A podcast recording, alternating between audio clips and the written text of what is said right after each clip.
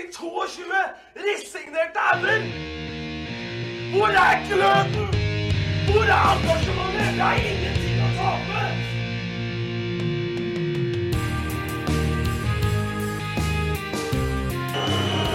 Ja, forlenges tid på Martin Ramsland. Skal du sette etter? Og så gjør han det! Martin Ramsland! Har du sett? Han kommer til å bli større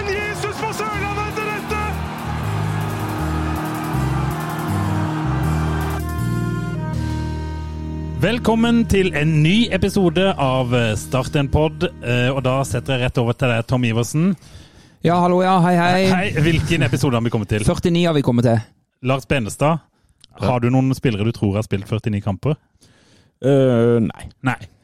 Eh, Det, det er tre stykk. eh, 49 seriekamper. Eh, Bernt Christian Birkeland. Ja, og Så må du gi meg noen hints jeg kan prøve å gjette. Ok, da. ja, det var dårlig. Ja. Eh, Liten, kjapp en på Spilte i 1994 til 1996. Liten kjapp en i Ja, 94 til sånn liten te tekniker. Bernt Christian Birkeland. Ja, ja. Eh, og så skal vi ha en eh, islending i 2018-2019. Islending da? Eh, Å, svarte, nå står det Han var veldig god, altså. Var han så god? Ja, jeg syns han var bra. Å ja, Aron Sigurd. Ja, altså. Ja, han, han, han har 49 seriekamper. Så er det en eh, sistemann. Da skal vi til en spiller som spilte fra 2018 til 2020, og har vært innom to andre Obos-ligaklubber nå det siste året. Det siste året, ja. Ja. Oi. Han er da altså ikke Altså, han gikk fra start i 2020 eh, omtrent, og så gikk han til en annen Obos-ligaklubb, Ja. og er nå i den tredje Obos-ligaklubben, si. Gjøviklin? Nei, Nei, det kunne vært noe Adam Hatzic. han er fra Hammerberger eller noe sånt? Nei, han er, han er ikke fra Norge. Jeg tror kan, Kanskje gjesten- Det ser ut som gjesten vår ja. faktisk vet det. Ja, men jeg mista det når eh, du sa han ikke var fra Norge. Ok. Ja. ikke var fra Norge, nei. Ja, men da tror jeg du må si det, så får vi Ja, heller det er. Isak Trum Ja, selvfølgelig. Ja, for han gikk jo både til Sogndal og Mjøndalen. Han. Ja, ja, han er, for han, nå er han i Gjøvik Nei, han er i Mjøndalen nå. Ja, Ja, Mjøndalen. Det er på vei til Gjøviklyn. Skjønner. Det var de tre på 49 seriekamper. Hvor er vi hen, eh, Gimse? Ja, Fagerborg skole, Ja, det er Benstad. Endelig, endelig hjemme. Det er på hjemmebane. Det er nydelig. Men du, eh, har jo på en måte Gjesten vår har en såpass eh, En sånn dialekt som de ikke akkurat kryr av i toppfotballen. okay. Dessverre. så, så han har kanskje avslørt seg sjøl, men kan ikke du kjøre en liten intro på dagens gjest, Tom? Nei, men jeg, altså eh, Ja, jeg kan jo prøve. Eh, Onsdag 1. oktober eh, 1997 er dagens gjest født. født. Eh, Det er samme dag, gutter, som Start slo Vålerenga 2-0 foran 828 tilskuere på Kristiansand stadion. 828? Ja, og det vet du hva?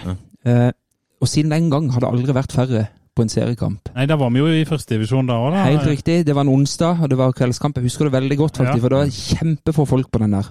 Men jeg vet jo ikke om det skyldes fødselen og- som som gjør at det har bare gått oppover sida.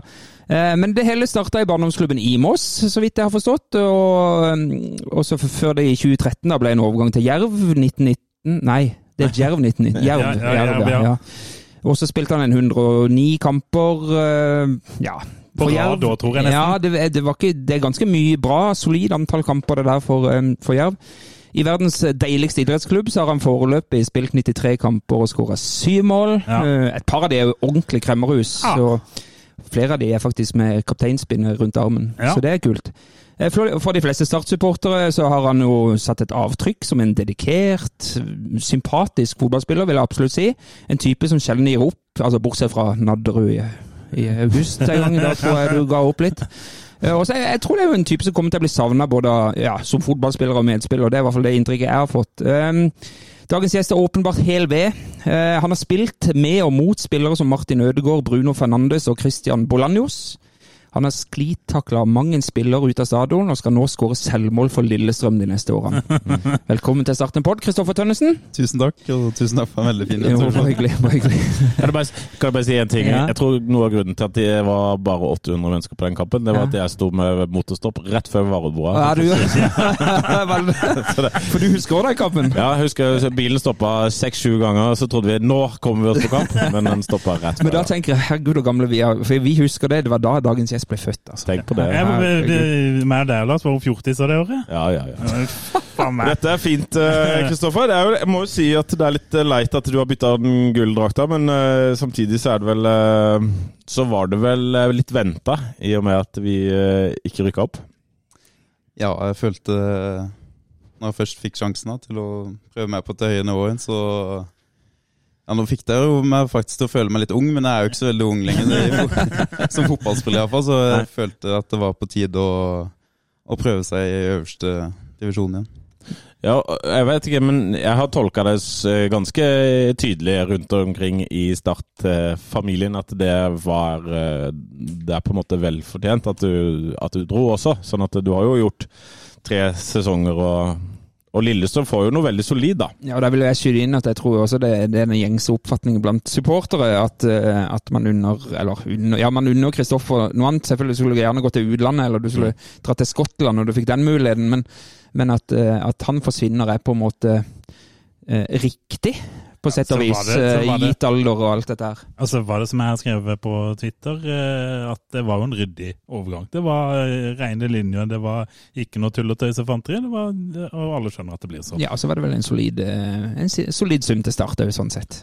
Ja, nå, nå, i, I den store sammenhengen så er jo ikke det enorme summer, men, men hvordan føles det egentlig å tenke på at noen betaler en million eller litt over det for deg? Hvordan føles det egentlig?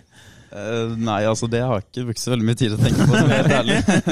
og verken eh, nå eller da jeg kom til start en gang i tiden, så har jeg, blitt, uh, så har jeg ikke blitt fortalt uh, noe konkrete summer heller. Så da, Mm.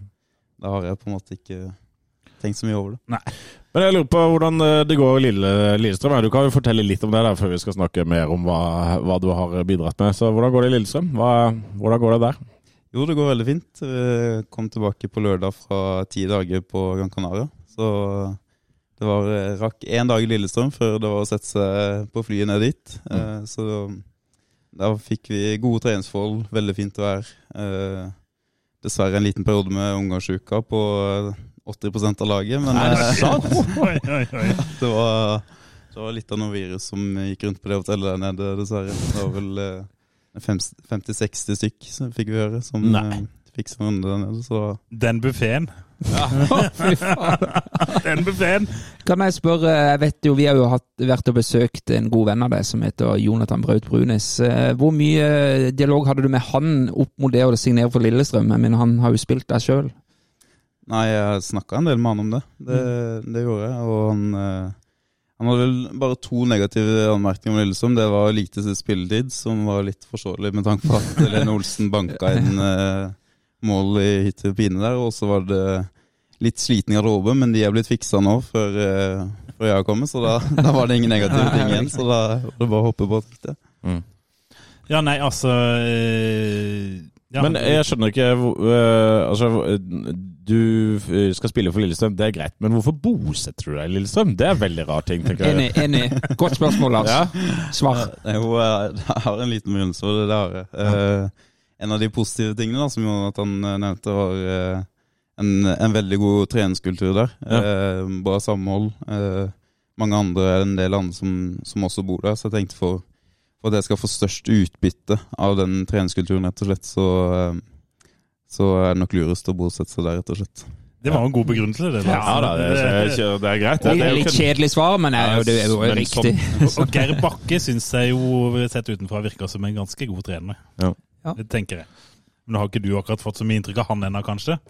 Nei, det- ikke veldig. Jeg har fått en, øh, en tidligere sjef av deg til å si litt om for I og med at du snakker om det, da, så sier du at din gamle sjef Og da kommer du sikkert til å bli veldig rørt og har lyst til å hjem igjen, da, men, men altså, Tønnesen er et treningsprodukt som er et resultat av å dedikere hele seg til noe. Og det har gjort at han er i Eliteserien i dag. En drømmespiller for, for en trener. Og det som burde stå igjen som et forbilde for alle spillere som vil bli god, enten med talent eller uten. Og du er utrolig ærlig. Om du så et ubehagelig tema, så sier den det sin mening og utfordrer avgjørelser på en sunn måte. Det høres ut som en, en flott spiller å ha i, i gruppa si. En elev du kunne hatt i klassen din? Ja, altså Alle mine elever er sånn. Ja, ja, riktig, riktig, riktig. Men ingen, ingen skal utfordre deg. Nei, nei. Nei, nei. Men eh, for, for det virker jo som trening er noe som du uh, setter høyt, da. Altså, det trives du godt med. Ja, veldig. Mm. Det, helt siden jeg var ja, 13-14, så har jeg likt det å, å trene mye. Og mm, ja, det som nevnes her, hvis jeg ikke hadde likt det, så tror jeg ikke jeg hadde blitt fotballspiller, rett og slett. Nei, Så, mm, Men kan jeg spørre, hva, har- du vært talentfull alltid, eller er du mer et sånn treningsprodukt? Eller har du fått noe gratis her? Er det noen gener eller noe Uh, nei, nå blir sikkert pappa litt skuffa, men det, det er nok ikke så veldig mye gener. Det, er- det er nok rent og slett treningsbruk, ja. Eh, var ikke Kom så vidt med på sonelaget, men eh, ikke noe lenger enn det før, eh, før da fikk meg en samling på U21 etter hvert, da, men det var jo i, i ganske sen alder. Men, for jeg tenker, du har jo ikke noe sånn du, Eller det vet jo ikke jeg, men når du var ung, hadde du noen, noen sånn fysiske forutsetninger som var bedre enn andre, som gjorde at du lå litt foran, eller var det bare beina trening? Nei, egentlig ikke. Det er mye, mye hardt arbeid. Nei, det er jo helt nydelig, da. Helt nydelig. Men eh, for du har jo, det er jo nesten aldri skada. Sånn, jeg har jo åpenbart ikke trent så mye. Eh, ja. Og jeg har masse skader. Hver gang jeg trener, så blir jeg skada. men eh, er, det, er det derfor du ikke blir skada, eller? Eh, det henger nok veldig sammen, ja. Ja. Det, det er det ikke tvil om. Eh, de første åra mine er jo da jeg slo igjennom på seniornivå, så var det litt Det var, det var mye sånn småtrøbbel her og der. Det var mye eh, akupunkturbehandling og, Ja. og diverse. Men det var aldri sånn at jeg måtte stå av kamper og, og de type tinga der. Um, og så begynte jeg å ta, intensivere styrketreninga litt, litt mer, da, og siden det så så bank i bordet, så har det ikke vært så mye, mye å, å melde om, heldigvis. Nei, for, det, for det, det er jo det som jeg husker Feven skrev om da. Du hadde jo noe helt sykt mange kamper på rad der. Husker du sjøl hvor mange det var? Altså sånn der du spilte Nei, men vet du hva, jeg tok jo jeg bare sånn, var inn, jeg lurer på om jeg tok opp den tråden i forbindelse med en sånn, av, sånn oppsummering av, Ja. av sesongen. Og da, og da gikk jeg gjennom kampene til Kristoffer, og det, det var vel Jeg tror du har stått over én seriekamp de siste to årene.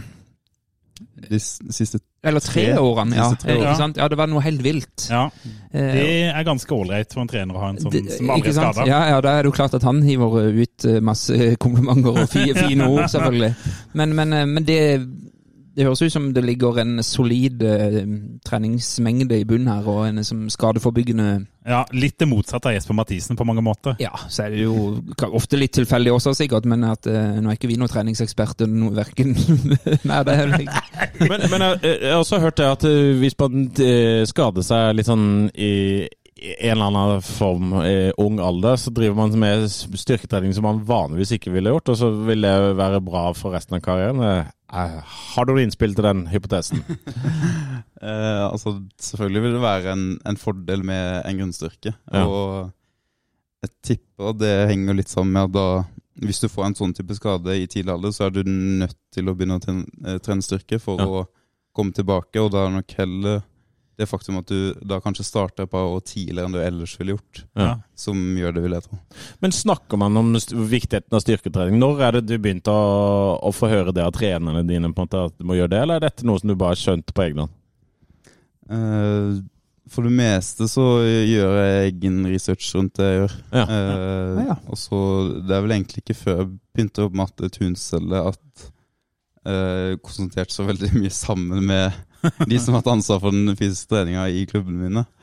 Um, nei, altså Blant fotballspillere så er det jo sånn Hvis du skal ta den helt vanlige A4-fotballspilleren, Mm. så det verste han vet å gjøre, er jo å trene styrke. Ja.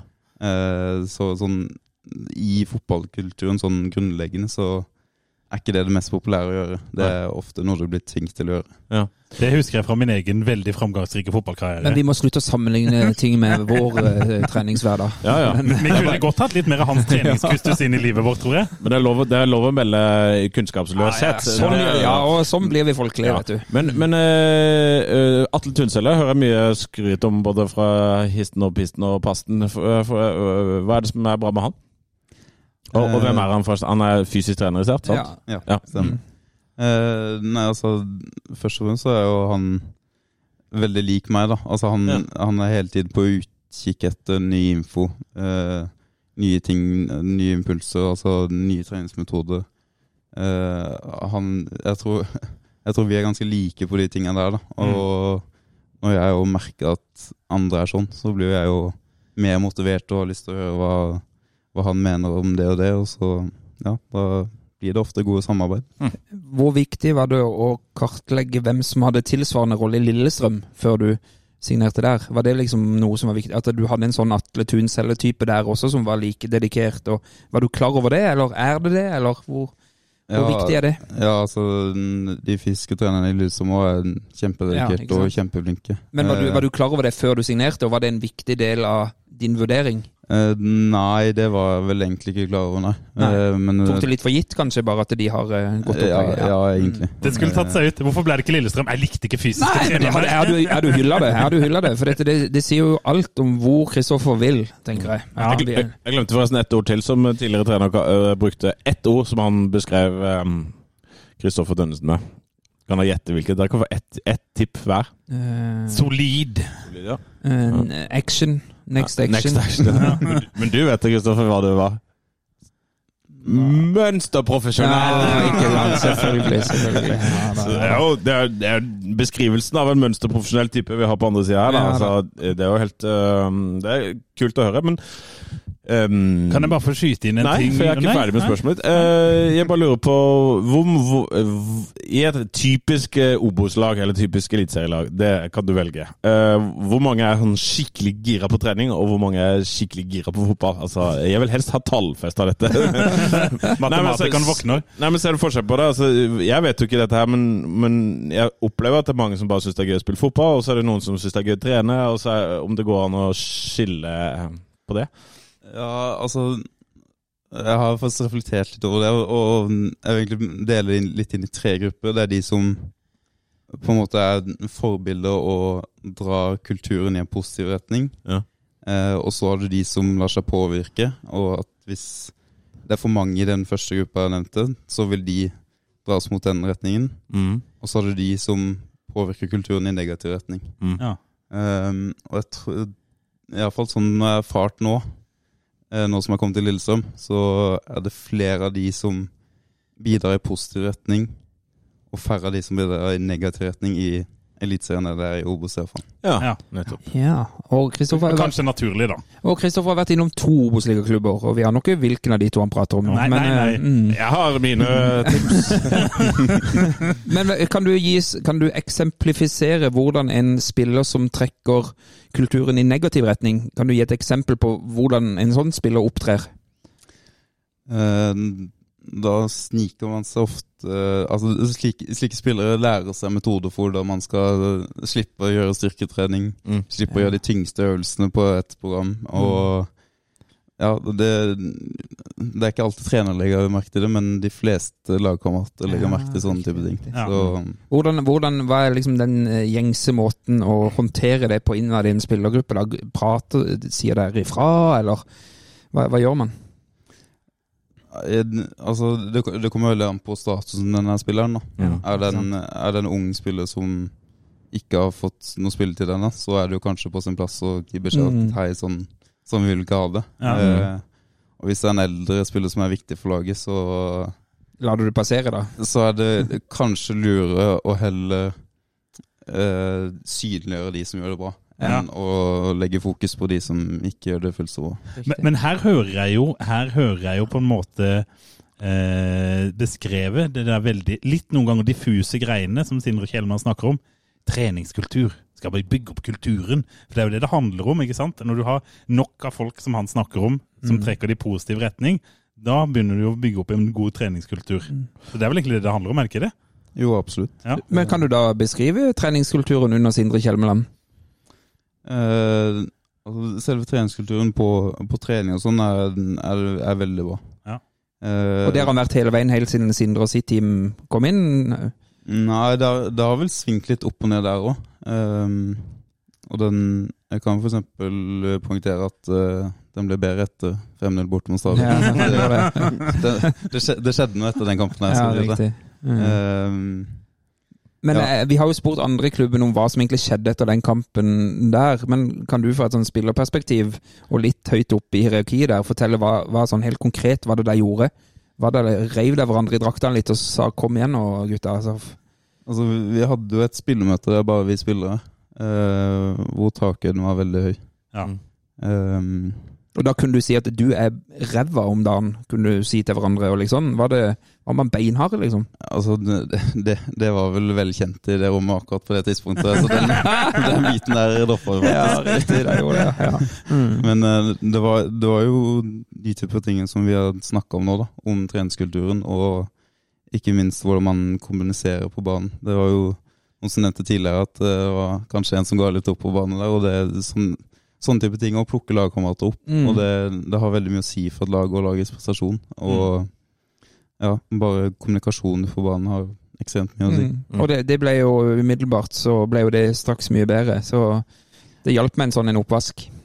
Ja, og så ble vi også enige om at uh, dette, dette var produktivt, produktivt. Dette fikk vi noe ut av. Så da, i perioden etter det også, hadde vi eh, ett til to spillemøter bare vi en gang i måneden. Eller en, en til to ganger i måneden. Eh, og det, ja, det tror jeg bandt oss veldig mye tettere sammen som et lag. Da. Eh, og det, Men, det tror jeg er veldig viktig. men dette med at der, du sier én til to ganger i måneden med bare dere spillere, hva er, hva er det der for lufta da som ikke det er for lufta når treneren er det? Er det Um, jeg tror folk er litt mindre, mindre defensive når ikke treneren er til stede. ja. Um, for det er kanskje noen som Jeg, vil, altså, jeg, jeg bare synser. Ja, ja, ja, ja, Eh, men det er men jeg, vil tro kanskje at folk eh, klarer å være mer ærlige med seg selv foran lagkamerater enn for trener, for kanskje de er redd for at Skal bli satt ut av laget? Ja, for Mm. eksempel. Mm. Eh, Det er jo rart hvis du kan snakke deg ut av laget, da, for det, men eh, ja. Trenere er også mennesker, gitt. Men dette kan vel du overføre til klassen? Det jeg tror kanskje elevene dine Ja, jeg tipper det er overførbart til andre klasser, i hvert fall. nei, da, nei, så det er klart at øh, Det er vel ikke nødvendigvis det, for de er jo så små, så Ja. de er jo avhengig av en, en øh, eller, Men jeg tror nok det at Men til arbeidslivet kan du jo gjøre det. Ja, et Mm. sånt ganske hierarkisk arbeidsliv, Mm. og hvor du er avhengig av at måte, du må være på, på, på innsida med, med treneren, så skjønner jeg jo at du på en måte Ja.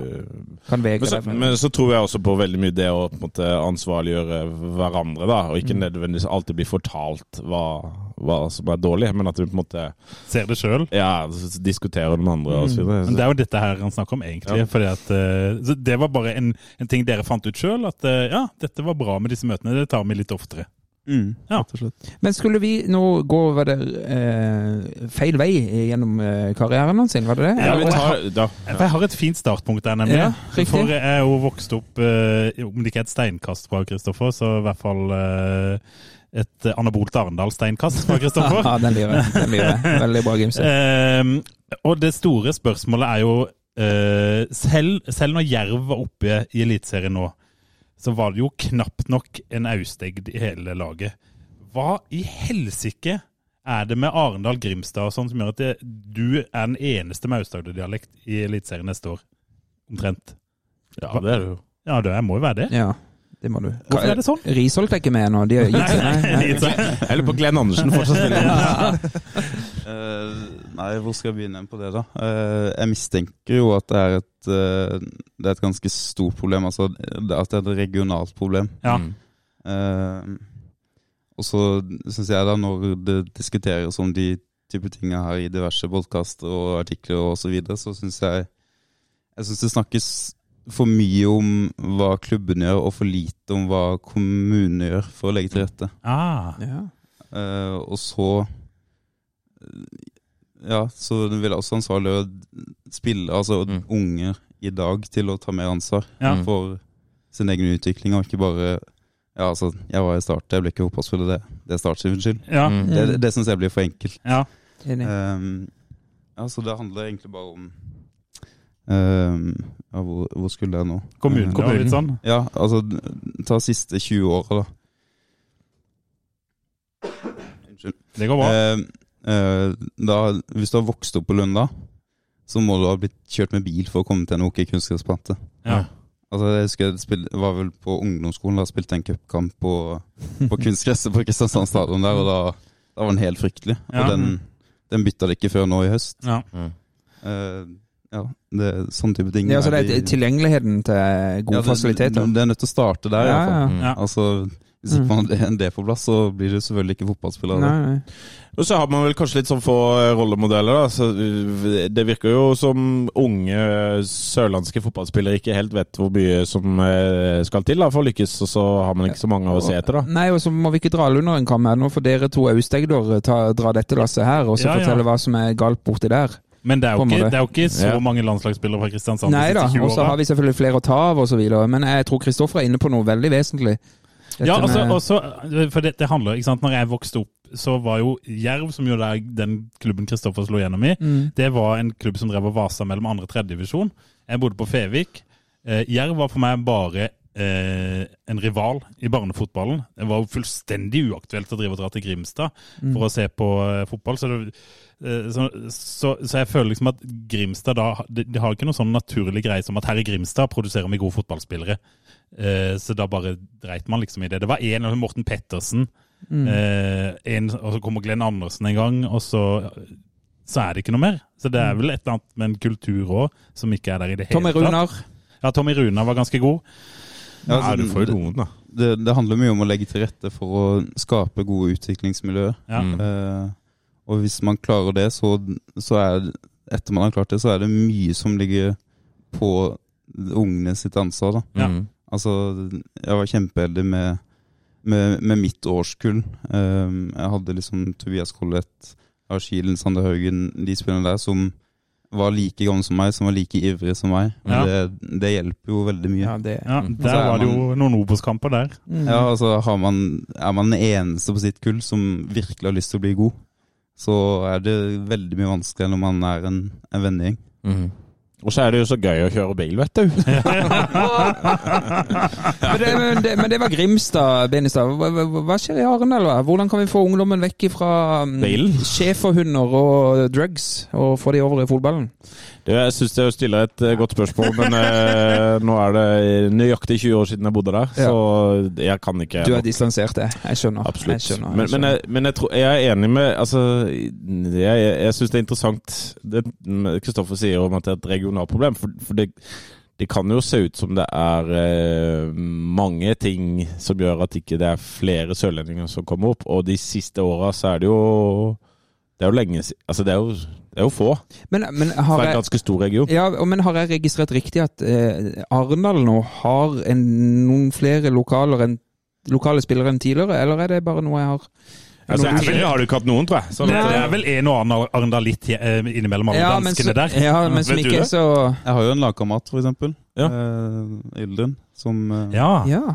han, han er jo fra Arendal. Eh, Men eh, ja, det stemmer. Det er utenom han, så kan ikke jeg Nei, nei, nei, jeg vet ikke, det er mulig bare å Fotballspiller fra Arendal, tenkte du på det? Nei, jeg tenkte bare på dette Arendal-laget som Ja. nå er i toppen av andredivisjon. Ja. Jeg mener jeg har lest en eller annen artikkel at det er en eller annen 18-åring som Mm. får en del kamper. Altså Det er i hvert fall noe, da. Mm. For det, Ja. var jo, det var jo et prosjekt som ble starta med han Roy Ludvigsen for eh, 15 år siden, eller når det var. Ja, som, 20 tror jeg vi skal si da. som egentlig eh, på, mange, på sett og vis var litt sånn kjøpeklubb eh, nedover i, og hatt mye dansker, som du sier. og Ja, de har det, og det, det har jo vært, Helt siden de begynte egentlig med det Arendal-prosjektet i 2002-2003, Ja, ja. eller sånt nå, Mm. så har det vært eh, eh, etter hvert mye import med han der, hva heter for noe, han er rikingen som driver og spytter inn alle sparepengene sine. Otterlei. Otterlei, ja, Mm. riktig. Eh, ære være han for det, men eh, det har det, har gitt én sesong i Obos-ligaen. Mm. Men det er, nå skal, må Nei, vi jo huske, ikke om Nei da, det- må vi huske på at det vi nå skal, eh, framtiden bringer, er uh, Jerv Arendal, Kniver i Obos, og så er Start uh, på I cupfinale. ja, cupfinale på cupfinale på cupfinale. Og så sitter Kristoffer Tønnesen på i Åråsen der og bare savner Sånn snakker han ikke. Nei, Vi er hjem'. Men kan vi ikke ta til 2022-sesongen? eh, Jo. Jo, vi kan det. Eh, for det, det er jo egentlig før og etter eh, Stabæk. Stabæk-kampen. Ja. Eh, egentlig også før og etter Brunes. ja, på en måte, for det var jo kjempebra til å begynne med. Ja. Eh, Vi kan jo ta noe sånn generelt. Hvordan opplevde du den sesongen? Nei, si det. Den var, eh, den var innholdsrik. Ja. Det var den. Um, Hvis vi begynner med innganger til sesongen, da. Ja, for det er jo litt interessant, for det er jo den de er i nå. Altså, f- uh, i fjor på denne tida, så Og litt til, da. Så, så det jo, var det jo veldig gøy.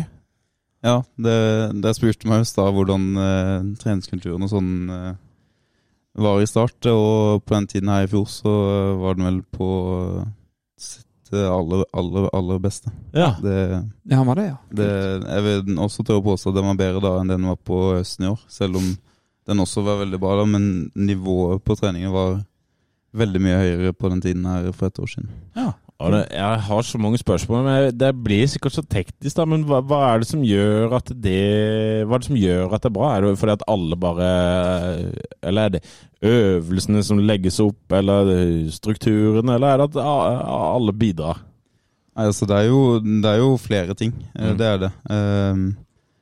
Én ting er selvfølgelig uh, tilstedeværelsen til, til spillerne. Mm. Men også er det jo eh, en ting som ble tatt opp etter Stabæk, er jo innlevelsen og engasjementet til Sinde under treningene. Mm. Der, er, eh, der, der fikk han, eh, der fikk han en ærlig tilbakemelding som han virkelig tok til seg. Ja. Og der skjedde, skjedde noe over natta eh, som jeg tror han Jeg tror han sa veldig pris på den tilbakemeldinga der. Mm. Um, og ja, de, de tingene uh, Så- satt sammen ble veldig bra. Så i fjor på den tida så var han superaktiv på sidelinja og holdt på med og, og var sånn som han er kanskje best til, da. Mm. Ja.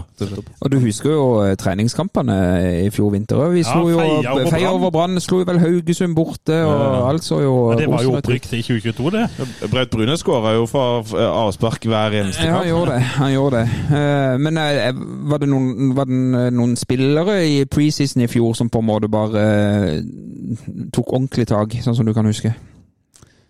Uh, altså, det var, det var veldig samla, vil si. Altså, alle, alle var veldig påskrudd. Alle var veldig til stede på hver eneste økt, på hver eneste kamp. Eh, ja, det var Så det var ikke, noe, nei, det var ikke, noe, det var ikke en og annen spiller som bare dro lasset her, det var eh, en, en samla enhet. Ja, Mm. jeg vil si det. Og da er det jo ikke så rart, tenker jeg, når du hører om det treningsarbeidet og den treningsintensiteten, at sesongen begynte som den gjorde. Og tape mot Sandnes. Ja, den, ja, men den, den, den Jeg regner ikke med cupen. Nei. Nei. Jeg, spør jo altså, så god treningskultur, og så svarer dere så ræva mot Sandnes. Det må jo eh, Lars må jo måtte dra helt til Sandnes for å se det, så han er fremdeles bitter. Ja, altså, Det var noe av det gøyeste jeg har vært med på, men, men eh, det var en kjellerkamp, og, og det så ut som det var så skuffende for, for dere også, eller åpenbart resultatet, men jeg tror ikke det var sånn dere trodde dere skulle framstå. da. Nei, absolutt ikke. Eh, altså, selv om ting fløyt sånn som det var, så møtte vi på problemer under denne oppkjøringa der òg, men uh, essensen var litt at under oppkjøringa og preseason der, um, og i starten av sesongen, så oppsto problemer, men vi fiksa de etter én kamp, liksom. Så var, vi, så var det liksom problemet ute av verden, og så, og så var, vi der, var vi der igjen. Uh, mens lenger og lenger ut i sesongen så brukte vi lenger og lenger tid på å fikse de problemene vi hadde. Så. Ah, Litt i overkant lang tid, spør du meg. Eh, Men det var jo eh, responderte jo godt i første serierunde der med 5-0 eh, borti 5-1 var det vel. 5-1 i Åsane, vel. Så det var, det, var, det var fint, det. Eh, Men vi trenger jo ikke gå kronologisk gjennom Nei. alle de kampene der, men du spilte jo en viktig rolle eh, gjennom egentlig hele sesongen, og som vi har vært inne på, spilte jo alle kamper. Eh, hvis vi eh, Jonathan Braut Brunes, det er en god venn. Eh, hvor, hvor viktig var han, sånn sett fra spillernes side? Altså Utenifra så var han jo alt for oss en periode, og har bøtta jo inn tolv mål på tre og en halv kamp. og det var, det var ikke måte på. Men hvordan opplevde dere han? På, hvordan var han å ha, rett og slett? Han var eh, en stor, stor ressurs for, eh, for hele spillergruppa. Han, eh, han, han sto fram når det var motgang. Han eh, var, ja, som eh, Sindre har sagt, mønsterprofesjonell i, i treningsarbeidet sitt. Så det var ikke bare det han bidro, på, bidro med på banen i kampene som, som, eh, som vi spillere sa pris på. Det var, eh, det var i hverdagen generelt òg. Ja, for dere utvikla jo et godt vennskap. Men kjente du han fra før, eller ble det Nei, overhodet ikke. Nei, Han var vel innom det i poden om at Ja. det oppstår i en eller annen uh, Et boblebad, Et boblebad eller et eller annet.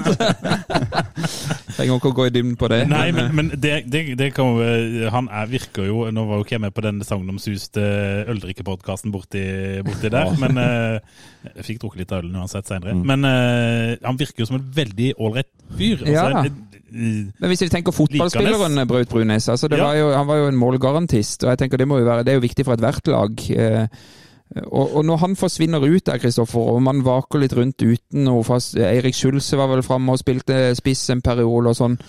Eh, hvordan, hvordan håndterer resten av spillertroppen det at her mangler vi åpenbart en, en viktig rolle? Jeg skal bare skyte inn at Ja.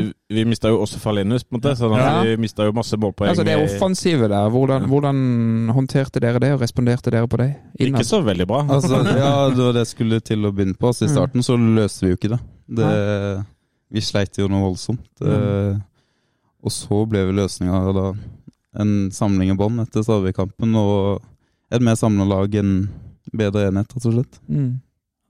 Du uh, uttalte jo også i høst at uh, du gjerne kunne bli i Start hvis det var tydeligere hvor klubben ville, og uh, sånn som jeg kan huske det. Hva, hva, la du egentlig i det? Har du lyst til å utdype det? Hva du på en måte mente at Start burde kommunisere eller legge til rette for?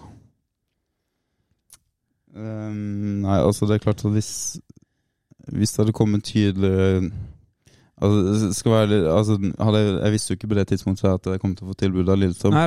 Og det Så det kan godt være du hadde gått der uansett? Ja, Ja, ja. Det, det, selvfølgelig. Eh, Mm. Det, er- det vanskelig å si. Uh, Men altså, hvis det hadde gått langt ut i, i februar og til og med mars før jeg hadde hørt noe fra andre klubber, og det samtidig hadde sett veldig bra på trening, vi hadde henta to-tre veldig gode signeringer, Mm. så er det klart at det hadde vært frist, mer fristende å forlenge den kontrakten da enn hvis det ikke hadde vært det. Men, men forstår jeg det riktig som at du savna litt ambisjoner? Altså, var, det, var ikke resten av spillerne i klubben like ambisiøs som det?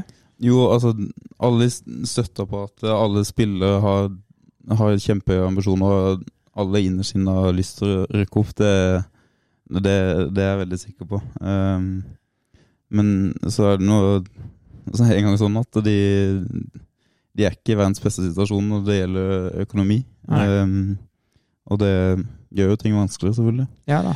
Det er jo Starts eh, historie, det er de siste ja, hva skal vi si, siden Sør Arena sto, og det er, Ja siden begynnelsen av 90-tallet, egentlig. Det er det absolutt. Eh, Men ok, men jeg tror jeg sånn Det er jo åpenbart at du, du ikke vil være dønn ærlig med hva du legger i det, men, men jeg skjønner at, at du ser at klubben kanskje ikke harmoniserer helt med ditt eget ambisjonsnivå akkurat nå. Eh, og at eh, du, som du sier, eh, ja du er ung, men du er også i en alder nå hvor du hvis, hvis jeg skal prøve meg på høyere nivå, så er tidspunktet riktig nå, istedenfor å hive seg inn på en ny tre-fireårskontrakt med, med klubben. ikke sant? Er det Ja, altså, jeg har jo lyst til å spille i ut- utlandet på et eller annet tidspunkt. Og skulle jeg gått i min tredje sesong som Obos-spiller som 25-åring nå, Mm. så hadde det vært veldig mye vanskeligere. Ja. Men, Det er null problem å se. Men, Ja. Apropos, eh, ja, men apropos utlandet, da. Hvorfor ble det ikke Skottland?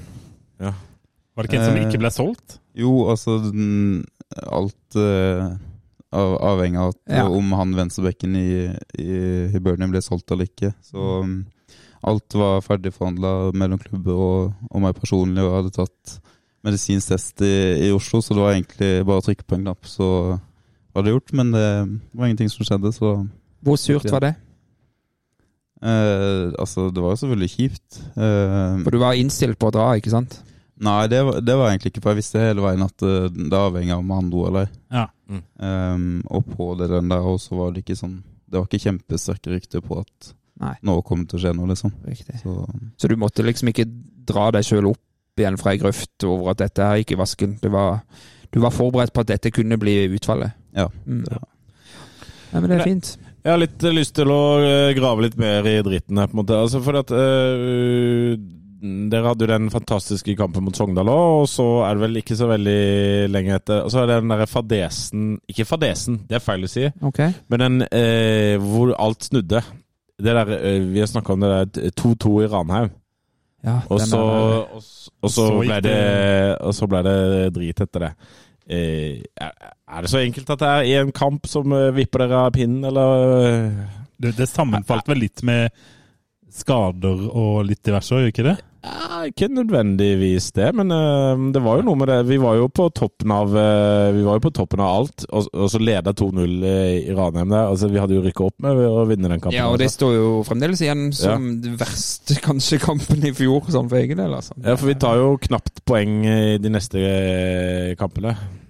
Ja, og det, altså Sånn jeg husker den kampen, i hvert fall jeg fart den, så var vi jo vi var veldig gode òg. Det, Ja, ja, var- ja. det var en solid bortekamp. Eh, og ja, ballongen gikk nok Lufta i ballongen gikk, gikk nok litt ut av oss etter den kampen der. Men hvordan Eh, skjer det? Jeg skjønner ikke hvordan det skjer. Altså, Hvordan kan ballongen ballongen Altså, momentum har mye å si i fotball. Ja. da. Eh, altså Sindre har jo egne videomøter hvor han kun fokuserer på momentum i fotballkamper. det, det sier litt. Uh, Hørtes ikke sånn supergøy ut? jeg vet det. Sindre Ingen kommentar. Ja, jeg, jeg, kan, jeg kan være hyggelig med en spillergruppe som er nå og si nei. Det, Ja. det er ikke veldig gøy. Men eh, det er, det er noen ganger sånn at det, det er ganske viktig i fotball. Men hva, hva er poenget hans sitt med dette momentumet, da? Det er jo egentlig bare eh, for at folk skal bli bevisste på små detaljer som eh, kan bikke kampbilder i den ene og andre retningen. Um, Og det er ofte momentum som avgjør det. ja, altså det, er Sånne enkle ting som innkast. At det Ja. slurves på det. At ja. Uh, ja, her er det innkast på egen banehalvdel, vi får ikke lasta, og så får de en vending, og så er, spiller de mot lavt. kontra Ja, det at vi får satt et høyt press og vinner ballen. Skaffe Og så er, det vel, et eller så er det vel mer tilfeldig at vi faktisk får bare 2-2 i den kampen der, for vi var som, som Kristoffer Ja, ja. sier, vi var jo kjempegode og, Ja. og sånn. Ja, og det var tullete frispark-greier Ja, ja, på. Og så- Og så blir vi jo Og så tar man med seg det momentet. da Så at det er Hvis lufta eh, pusler ut av ballongen, da så er det sånn ganske kjipt moment du tar med seg til Bryne, og så taper dere den, og så så er jo sørlandske hoder er jo utrolig Det er jo mentalt sterke gjeng. sånn at eh, det er ingen grunn til å tro at de reiser seg. så da, men dere var jo nokså gode mot Stabæk, som var da kamp nummer tre. Så den burde dere jo egentlig vunnet. Å ja, den, Nei. den er hjemme, ja. Mm. Ja, så det burde dere jo egentlig ha vunnet, men da var det vel noe skade, kanskje. Jeg husker ikke. For du går sånn. faktisk kronologisk gjennom Ja, fjoråret. jeg nå. gjør det, for jeg har lurt så utrolig på hva det er som gjør at man kan være At man ser ut som et opprykkslag, og så kan man ses ut som et nedrykkslag Ja, i løpet av en måned. Overfører vi det spørsmålet til Kristoffer? Hvor, hvordan, hvordan, hvorfor opplever vi det sånn? Og hva skjer? Jeg hadde hatt et godt svar på det, så Ok, da tar vi neste. Nei, nei. nei. Altså, det er, det, er nok, det er jo selvfølgelig mange ting som spiller inn i, i sånn, sånn type situasjoner, selvfølgelig. Um, men ja um, Nei, jeg vet ikke helt hva jeg skal svare på. Sorry. Det, er, det er det ingen trenere som nå så langt har klart å komme et godt spørsmål på, tror jeg. Nei, og da ofte Konsekvensen av sånne ting er jo ofte at man bytter trener, man prøver noen nye ting. Ja. Eh, man endrer på noe man har gjort lenge, Ja. osv. Kanskje bytte noen spillere. Ja. Ja. Eh, Ja, det, nei, for- for det, Og hadde vi vunnet noen av de, så hadde Braut Brunes blitt værende, og vi hadde rykka opp. Og ja, og så er, det, så er det jo liksom noen kamper der inni der, f.eks. den brannkampen. Det, de ja, de taper den, men det er jo ikke noe skandaløs kamp på noe vis. Nei. Det er jo en ganske god kamp, og liksom alle, alle Brann-fans jeg kjenner sånn, ja, dette var jo det mest solide laget vi har møtt i år. Altså, Brann vant jo som de ville uansett, men det var ikke noe dårlig kamp. Eh, og dette sa jo Kristian Sørensen snakka om òg, når han har sett på statsa, at i den verste perioden så var man egentlig ikke så dårlig sånn statistisk sett, hvis du skal ta expected goals og alt det greiene der som eh, noen ja, liker. ja, ja. Mens når de begynte å vinne igjen, da så det egentlig litt svakere ut en periode. Så det er, det er jo et eller annet Det er jo mye tilfeldig, på en måte. Det er nok det. Ja. Mm. Nei, vi tar litt eh, Skal vi ta litt Karsten? Ja, vi gjør det. Ta litt, Karsten. Nei, du gal, det kommer alltid på tida. Nei, vi skal vinne resten av kampene nå. Vi er underveis. Da var Lars Benestad ferdig med sin kronologiske gjennomgang. Ja, da, så... vi driter i resten av sesongen og Kongsvinger-kampen. Ja, Ja, ja. den er død begrava. Nå har vi snakka, om den Stabæk-kampen, og sånn, og så snudde det seg, og så ble det ganske fint, og så klarte vi ikke å avgjøre det. er Men veldig spennende at vi liksom går motsatt vei nå. Nå skal vi til 2021 Ja. med Ja. dagens gjest. Det er veldig gøy. 2021 var jo ordentlig crap, eh, Kristoffer, sett fra vårt ståsted. Hvordan opplevde du den sesongen? Crap. Deilig. Da tar vi 2020. Jeg har, jeg har bare et, et sånn, litt sånn tilleggsspørsmål, for det er jo sånne ting folk alltid litt lurer på og tenker på. Eh, Det er mye sånn preik om det er start en eh, drøm, og at de skrur igjen pengesekken, og at de åpner pengesekken, og det kom inn en danske fra puben på lån. eh, Det skal du få lov til å slippe å si. Eh, Hvordan blir dere påvirka av alt det der maset som, som skjer på, holdt på, å si, på styrerommet? Det er nok uh, veldig individuelt, Ja. tror jeg. Um, jeg har nok uh, tradisjonelt sett ikke lagt så mye energi i det. Eh, ikke noe annet enn at jeg blir frustrert når gode spillere da og Ja. ikke blir erstatta. Ja, ja og for, for litt av det som er greia her, at det blir jo en sånn underveis i den perioden så blir det en sånn veldig sånn negativ stemning rundt, i hvert fall. Altså, det kan sikkert jeg kjenne på meg sjøl òg. Jeg, jeg hadde høyt blodtrykk og var mye irritert den høsten der. Eh, me- me- plukker man det opp på en måte sånn at det påvirker spillergruppa på noen måte? Ja, helt klart. Ja. Ehm, hvis vi går veldig veldig, veldig kjapt tilbake til, eh, til starten av 2020, da når vi, da vi rykka opp eh, Da har det blitt nevnt tidligere, og jeg er jo enig i det, at vi blir svekka etter vi, etter vi rykka opp. Ja. Ehm, jeg visste Sigurdarsson og, og Damon. Um, og så, så da var vi på en måte Vi var ikke det laget som rykka opp i 2019, eh, og vi brukte lang tid på å bli et ok eliteserielag i løpet av det året. Ja. Um, og tok en del uh, poeng eh, på, på høsten her. Og da, når vi da rykker ned igjen og for andre år på rad blir svekka, og da i veldig mye større og betydelig grad, Ja. um, da, er det, da er det litt demotiverende som en av de som skal være med og dra lasset, Ja. og skulle gyve løs. Dette, dette var litt musikk i mine ører, og jeg har ikke reflektert mye over det, men han har jo helt rett. ja. Vi svekka oss jo for hver vinter der. Ja, Det er jo ikke rart at det ble sånn det ble. Nei, nei, nei, og så bare tenker jeg hvordan, som han sier da, han var jo fyren som spilte alle kamper og liksom var bærebjelke her, og se at liksom gode spillere forsvinner før hver sesong. Du blir litt og litt dårligere. Det er litt og litt mindre penger til å hente inn erstattere. Og da begynner jeg å forstå det jeg var inne på her i stad, med Kristoffer om det han etterspurte i høst. Ja. Eller annen, her må her, altså, kan vi signere tre stjernespillere her nå, sånn at dette kan bli kult igjen? på en måte litt eh, Ja, og for å ta i vinter, da. Eh, vi har jo mista to av de beste spillerne våre i vinter. Ja. Er det, er det nok en nedskalering? Eh, Nei, det kommer en spiss! Det kommer en Ja spiss. da, ja da. Det Vi kommer en håpe spiss. det. da. Vi har jo mista tre førstelagsspillere. Mm. Altså Ja, en av de sider her. Eh, så det, ja. ja. og Holtan og Pete.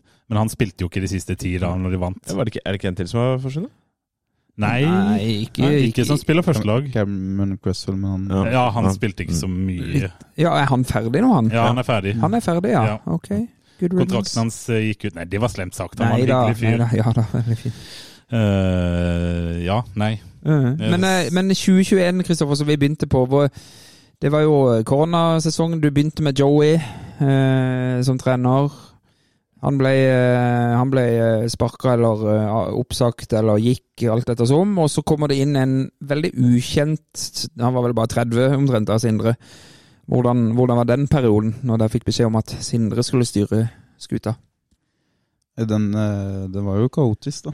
Ja. Det, det var mye som skjedde. Eh, heldigvis så bodde jeg i Grimstad den perioden, så jeg kunne dra på golfbanen og slippe å tenke Ja. i ny og ne. Eh, men nei, akkurat da det, det kan jeg vel si at det er den eneste perioden hvor jeg faktisk har gått og tenkt mye på det som skjer rundt i klubben, og ikke bare det sportslige. Ja. Riktig. Akkurat i den perioden mellom Joey og Sindre Ja. der. Mm. Ja. Men Hvorfor det? Fordi Joey Altså, hvorfor det? Hvorfor tenkte du mye da?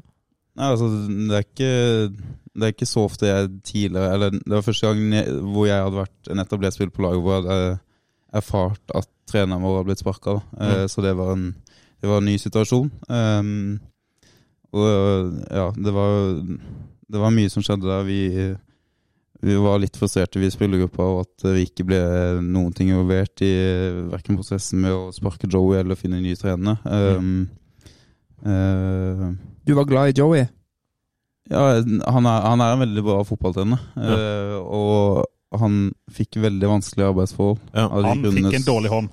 Ja, det Ja, altså det som jeg nevnte i stad, vi ble betydelig svekka etter nedrykket. Og det forskjellen på det hvor mye vi ble svekka det året kontra Brann i år, da, som bare henta den ene dansken, dansken etter den andre og Mm. forsterka seg noe voldsomt. Så ja, det er stor forskjell på det. Men eh, du sier Joey var en veldig god trener. Hva er det som gjør han en veldig god trener? For det er 2020-sesongen som som du sa ble svekka osv. Mm. Eh, og du brukte tid på å bli et eliteserielag. Men når eh, vi rykka ned, sånn bortsett fra den siste kampen, kanskje, Ja.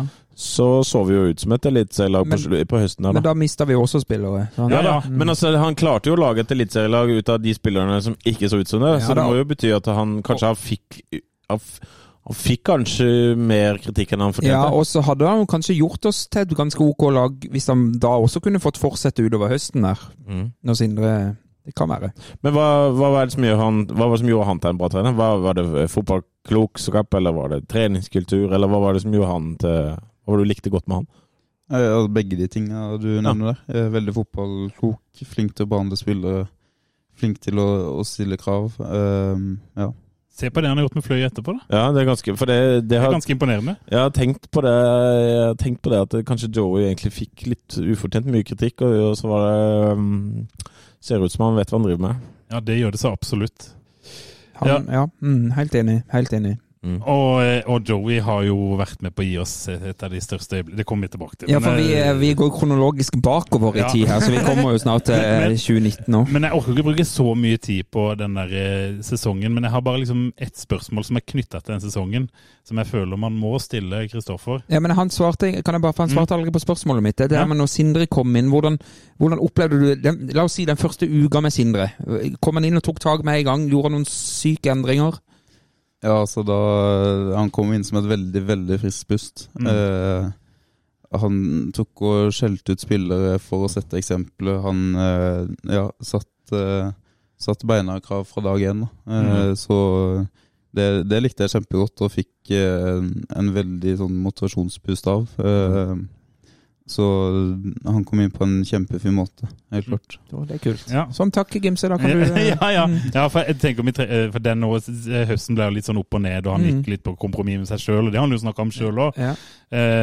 Men når den sesongen ender, som jo er det verste Ræland-sesongen jeg har sett fra start noen gang, så rykker faen meg Jerv opp. Og for meg var jo det blytungt, for da fikk jo jeg så hatten passe for alle jeg har gått på skole med noen gang. ja, for du er fra Fevik? Jeg er fra Fevik, riktig. eh, og det forbindes jo med Grimstad. Eh, Selv om jeg aldri har brydd meg om Jerv. Men hvordan var det for deg? Eh, nei, jeg har jo snakka litt om det tidligere. Altså, eh, jeg tenkte kun på, på, på start og min egen situasjon. Altså eh, Sånn jeg så på det, var det en skuffelse at vi måtte møte Brann året etterpå, ikke Jerv. Ja. For jeg visste at det ville bli betydelig tøffere. Ja. Så jeg, det var liksom det som var min skuffelse etter Men du har jo ei mor som vel er ganske inne i Jerv. Betydde ikke det også litt den andre veien? At det var jo litt artig at de rykka opp? Altså for familien Tønnesen? Jo, altså, de var i skyene. det, det skal jeg ikke legge skjul på. Fikk du noen syrlige SMS-er fra Grimstad-folk? Eh, nei, det var vel ikke sånn veldig mye, nei. Nei, altfor veloppdragen. De har ikke noe fotballkultur der, så det ja, Nei, men det var. Men, Nei, eh, nå, men det skal ikke vi, nå skal ikke vi snakke mer om Jerv i denne podkasten. Nei, nå er det nok. Ja, mer Nå er det nok. nok. Skal vi ta 2020, da? Ja, vi har Eller egentlig vært innom det allerede, på sett og vis. Vi må høre med kronologiekspert Benestad. Hvor, er- vi hen i Nei, altså jeg, jeg, så 2021 men Jeg syns det er igjen ting som jeg lurer på. da Altså Sindre kommer inn som et friskt pust. Joey var en god trener. Sindre kommer inn som et friskt pust. Og så, og så varierer vi altså så mye. Det er, det er uttal, uttalelser som ikke Jeg får det ikke til å henge sammen. da Altså Hvorfor så vi ikke bedre ut? Altså For det tar jo tid å sette et preg. Du ser det jo ikke med Jo da, jeg skjønner at det tar tid å sette preg, men det tar jo ikke så jævla lang tid, gjør det det? Uh, ja, det, det spørs. Altså, akkurat de prosessene som jeg tror Sinde hadde sett for seg at han ville sette i gang Ja, og by seg ut på, de type prosessene tar lang tid. ja riktig. Det tar lang tid Altså, måten han har lyst til å spille fotball på Du må nesten endre hele måten alle spillerne tenker fotball på. Ja. Og vane og Eller det er ikke bare vane heller. Du skal eh, spille helt uten frykt. Eh, altså, noe frykt må du ha, for den, altså, det må jo bety noe, selvfølgelig. Men um, det, det, det er mer krevende å spille den type fotballen som Sindre ideelt sett har lyst til å spille. Eh, men så funker det jo da altså desto bedre enn mange andre typer fotball. Men hvor av alle de eh, 92 kampene du har spilt, eh, i hvor mange av de kampene har det funka eh, nesten 100 da? Uh, Det er Veldig mye sånn Men, men, altså- men hør nå, det er kun 50 av de som er under Sindre Kjelmeland. Ja da, av de 50, da. Altså, det, det er ikke så veldig mange. Uh, jeg, kan, jeg kan si at Brannkampen eh, i treningskampen var en av de. Ja. Eh, men det, det ser man jo egentlig ikke på noe som helst nivå noen gang. Sånn egentlig. Mm. Uh, så det er selvfølgelig Altså det er det, det er det vanskeligste som er i fotball. Det er å spille perfekte fotballkamper. Ja. Det, Men sånn som i Lillestrøm nå, da, er det, er det en mye enklere tilnærming til, til fotballen der enn enn det Sindre har? Så nå må du tilbake igjen til røttene, på mange måter, sånn fotballtaktisk? Nei, altså det er, det er en del som er likt, men det er også øh, noen øh, deler i spillet som jeg tror øh, at man gjør det litt enklere enn øh, Mm. slik øh, det blir gjort i start. Tror du du vil finne eh, Altså, vi, er jo, vi snakker om norsk nivå to. Vil du finne spillere som er gode nok til å håndtere det Sindre egentlig vil? Er, vil du finne elleve stykk som kan håndtere dette skikkelig bra? Det, er- det er et vanskelig spørsmål å, å svare på, selvfølgelig. Uh, men altså Vi vant åtte av de siste ni kampene i fjor. Mm. Det er jo det er jo det Sindre vil. Ja, det Sindre, vil altså, Sindre vil spille fotball, men han vil jo først og fremst vinne kamper. Mm. Så jeg vil jo si at det svaret på det er ja. Mm. Og så er- kan vi jo dra opp Bodø-Glimt igjen, som vi brukte noen år på å få det til, på Ja, samme måte. Mm. De var jo uh, hakket fra Rikke. Det var jo start av de som Ja ja, ikke ned det, i 18. så vi kan uh, Vi satser på at eh, det blir likedan her. Mm. Mm. Eh, er du ferdig med 2021, Bindestad? Ja, det lurer jeg på. Ja. Det er ikke mange ting jeg har lyst til å snakke om der. Nei. Nei. 2020 var jo ikke noe sånn høydere, det heller. Nei, men Nei, det var jo en bedre. Det var jo, en- det var jo en finere Vi var jo eliteserielag. Ja, jo da, men Ja. det var covid og Ja. mye Så du har jo egentlig ikke spilt Eliteserien sånn ordentlig? Nei. Eh, Bare jeg, fotball? Jeg, Ja. jeg har tenkt over det at det er, det er litt synd at den ene sesongen jeg har hatt i Eliteserien til nå, var jeg vant til 200 tilskudd på tribunen. Ja, Men, men én ting med den sesongen der. For én ting er at dere blir svekka inn der. Men eh, dette har vi snakka om mange ganger, gutter. Men det at det ble sånn covid-greie, det var det ett lag som tapte mer på enn alle andre, og det er Start. Mm. Fordi man mister en del av det der Momentum. voldsomme Ja. momentumet fra Lillestrøm-kampen der. Tror du det er noe i det? ja, helt klart. Mm. Det, det tror jeg ikke det er noen tvil om. Nei. Eh, Det var vel først og fremst Martin Ramslam som mista momentumet Ja, det, det- der i februar en gang. Å, Så. Hadde, den, hadde Eliteserien starta i Januar? Ja, i januar, så hadde vi vært i Champions League. Altså, 2020-sesongen for meg den kan oppsummeres i en bortekamp der hadde mot Strømsgodset, hvor Martin Ramsland bommer fra to meter. Mm. Og han ender den sesongen med null skåringer. Og det er, det er så symptomatisk for hvordan jeg kan minnes Start 2020. Ja. Det er den sjansen som Martin Ramsland eh, brenner der. Og en kamp vi faktisk leda og var én mann mer, denne Ja. her eh, godsekampen. Ja. Og så ender det uavgjort. Ja, stemmer det. Så har vi selvfølgelig den famøse kampen på, på Intility, hvor vi rykker ned. Hvordan eh, opplevde du den kampen, Kristoffer Tønnesen? Den eh, har jo brent seg inn, eh, dro han vel fram som kanskje et bunnpunkt, tidenes bunn- bunnpunkt for min del. Og det kan jeg si at det er for min del. Ja, takk, takk, takk, det, takk. Det er ikke noen tvil om. Um, akkurat den kampen der, det er en av de få kampene jeg var sterkt uenig med Joey sin inngang til den kampen. Oh, ja. um, vi visste at Vålerenga var et veldig bra lag. Vi trengte kun ett poeng for å få den kvalikplassen. Um, det er ikke så Det var vel ikke sånn veldig lenge før det at vi klarte å, å krige oss til ett poeng hjemme mot Bodø-Glimt Mm. Med en eh, litt mer primitiv inngang. Um, og det, man vet jo alle, men jeg tror vi hadde hatt større sjanse til å ta ett poeng i den kampen med en litt mer pragmatisk eh, inngang, Ja. rett og slett. For, for gikk Joey for å vinne, var det det? Var, spilte han med mer risiko? Uh, ja, altså det skulle gå mer i høyt press og, og den type ting. ville være litt mer offensiv i hodet enn det. Altså Bodø-Glimt, der, der skulle vi forsvare inn ett poeng. Ja. Det, det var det ikke tvil om. Og um, jeg tror hvis vi liksom hadde hatt uh, Ja, som du sier, samme inngang og spilt på den opplevelsen mot Bodø-Glimt, så tror jeg vi hadde hatt større sjanse. Og en en annen ting er at Intility er ekstremt mye Eller den føles for veldig mye større enn andre baner. Ja. Eh, og da skulle gå i høyt press bort mot Vålerenga i en sånn type kamp, det er ikke verdens letteste oppgave. Dette Og så har du klanen der og hele pakka og Ja. Hvor mange var de den sesongen? Nei, det- det var vel ganske mange Det var vel Nei, 600 ja, det var, ja, 600. Ja, Ja, da hadde du øka til 600. Ja. Jeg har fortrengt den der coviden.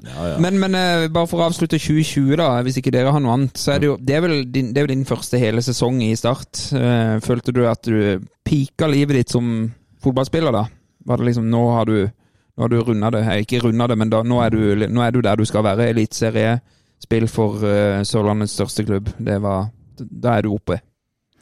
Ja, altså det, det står iallfall en som min gøyeste sesong hittil i, Mm. i karrieren. Ja. Um, men på ingen måte runda det. Altså, jeg, hadde ikke, jeg tror ikke jeg hadde følt noe i nærheten av det før jeg hadde spilt på et startlag som var stabilt på over halvdel.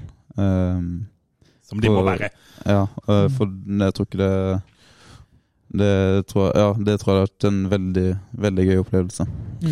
Det er veldig gøy å se på det når Start er stabilt gode. Ja, da kommer Kristoffer tilbake igjen. Ja. Mm. Hva tror du om å spille Eliteserien eh, for fulle tribuner og sånn? Blir det, blir det gøy, eller? Jeg har en mistanke om det, ja. Ja. Men uh, det skal jo spilles for VAR. Men det skal være sånn VAR og sånn, skal det ikke? Å, det er jeg glad jeg slipper. Å, fytti grisen. Hva tenker du om det? Uh, jeg tror nok det dessverre er sånn at varer kommer for å bli. Ja. At- Men du sier, dessverre, du sier dessverre? Ja, eller iallfall så det har, det har jo blitt bedre Ja. siden første året vi var. Så har det blitt bedre. Og jeg tror jo det kommer til å bli bedre og bedre òg. Ja. og eh, jeg tror som eh, så Ola, Ola Nilsen nevnte i en video her om dagen nå, at uh, om ti år til så tror jeg også at vi kommer til å se tilbake til Mm. den perioden her og tenke hvordan i alle dager klarte vi oss uten VAR. Ja. Jeg spør, har et spørsmål. Du er forsvarsspiller. Hvordan vil du si at mindsetet ditt endrer seg når du vet at VAR er involvert? Er det noen tjuvtriks du alltid har kunnet gjort, som du nå må legge, legge deg vekk? Er det, altså, skjønner du hva jeg mener? Den tilnærminga der, hvordan har du gjort deg opp noen tanker rundt det? Nå snakker du til en som aldri har hatt en suspensjon i hele karrieren, så, så det enkle svaret på det er nei. Det, det kommer jeg nok ikke til å gjøre, for det har ikke vært en så veldig stor del av min spillelse. Det kan diskuteres om det har vært lurt Jo, men det er vel Det- eh, noe trøyeholding der, og trykke litt ja, på foten der. noe er det, men uh, akkurat innenfor 16-meteren uh, så så ja, der er du forsiktig. der er jeg litt mer forsiktig og Ja. prøver å flytte beina istedenfor å bruke hendene. Ja, Det er veldig smart klokt, Ja, ja, ja, tenker det jeg. høres smart. Du, Jeg har bare ett uh, spørsmål faktisk fra en, uh, en som velger å være anonym. Uh, han lurer på skal vi, uh, Når mista jeg det? Fader. Jeg kan spørre om en Ja. annen en som Ja, ja. er anonym. Eh, Åssen gikk det med nyttårsforsettet om å ikke drikke eller feste i 2023? Det er, en, det er en dårlig start og da rett på treningsleir. Ja, riktig. Ok, Takk. Det var det bare han lurte på. Og så lurte jeg på uh, hvorfor, kunne, um, hvorfor kunne bare halve sofaen brukes i vinter når du fikk besøk? For halve sofaen kunne brukes. Ja. Uh, nei, det, det er et godt uh, spørsmål. Husker ikke det? Nei, greit.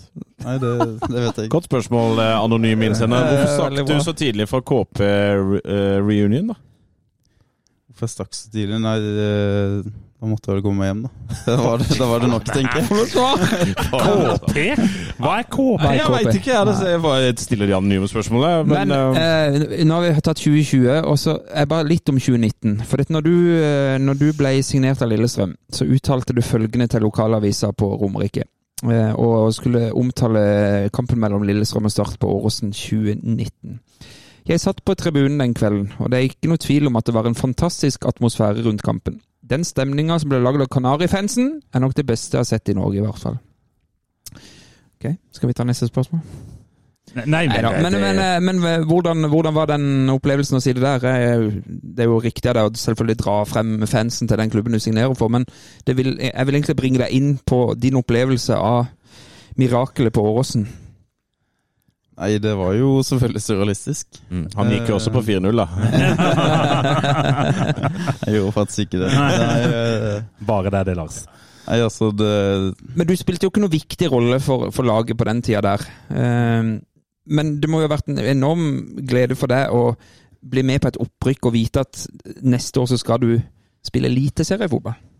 Ja, absolutt. Altså jeg, jeg var jo skada på en tid, så jeg følte jo som du sier at jeg ikke helt var, var med på det opprykket der. eh, men samtidig også ville jeg ikke la det gjøre at jeg ikke kommer til å ta vare på muligheten for å spille i Eliteserien. Så det ga jo bare mer motivasjon til å jobbe meg tilbake fra den skaden jeg hadde på det tidspunktet, og jobbe knallhardt for å få spille. Noen ord om eh, bortefansen på den kampen der, da får vi det? Den, eh, jeg kan si det, det er den beste bortefans-prestasjonen jeg var vitne til. Takk, da vet jeg det. Hørte du det, Lars?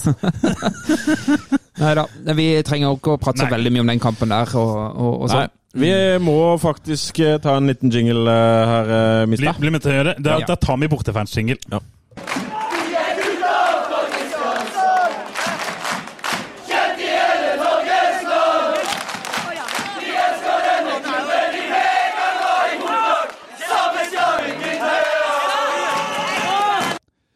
Selv om vi har eh, celebre gjester eh, helt fra både Grimstad og Lillestrøm, så må vi jo ta noen faste spalter.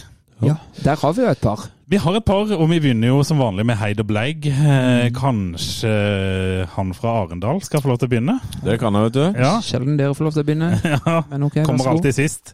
Er det lov å si? Ja, det er lov å si. Ja, det er jo utholdende, i hvert fall. Ja, ja. Eh, eh, jeg har en heid, ja. og det er Sander Sjøkvist. ja. Jeg så han var tilbake igjen. i- Han var på- tilbake i ja. trening. Det syns jeg, eh, det synes jeg var fint. Mhm. ja. Det var lei den fjorårssesongen. Ja. Fortell litt om Sander Sjøkvist. Veldig fin fyr. Ja. Ja. Veldig, veldig fin fyr. Det, um, ja, han er eh, en veldig typisk sånn skikkelig kjernekar fra Sørlandet, Ja, rett og slett. riktig. Men fotballspilleren Sander Sjøkvist da, Kristoffer Tønnesen.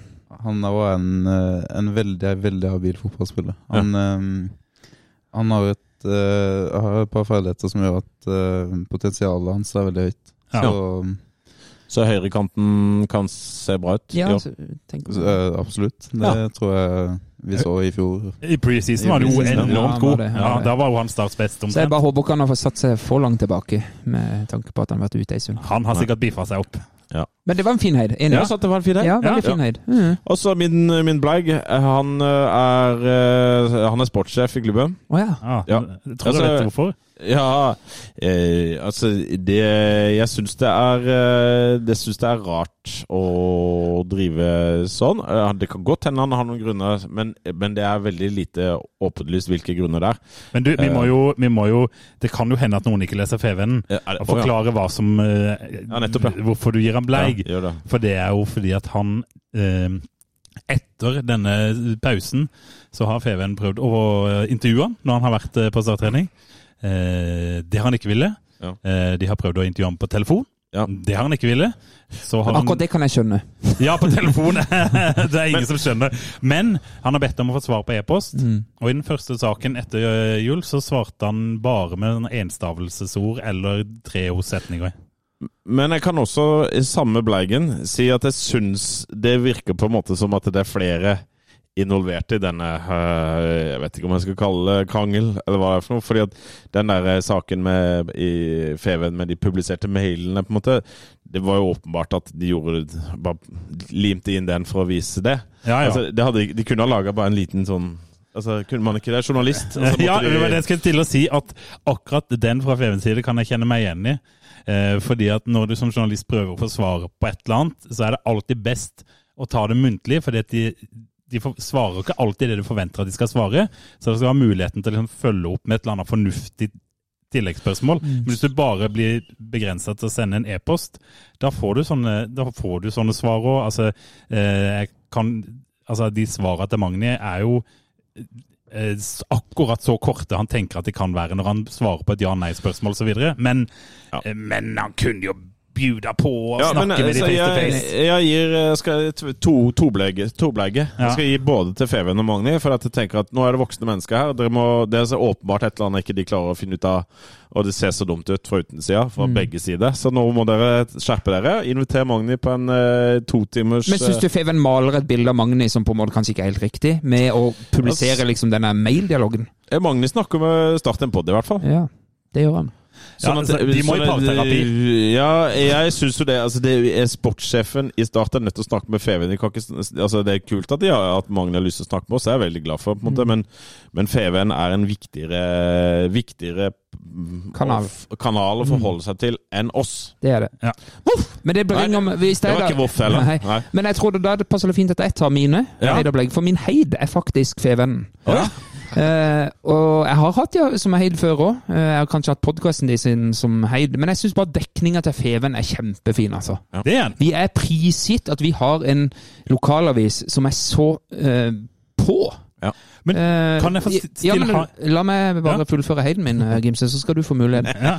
Eh, bare så slite som at de har hatt litt sånn livesendinger fra Sørlandshallen på Facebook. Altså sånn helt Ja. tullete greier. Men som, for oss som lever under for klubben, så er det helt nydelig.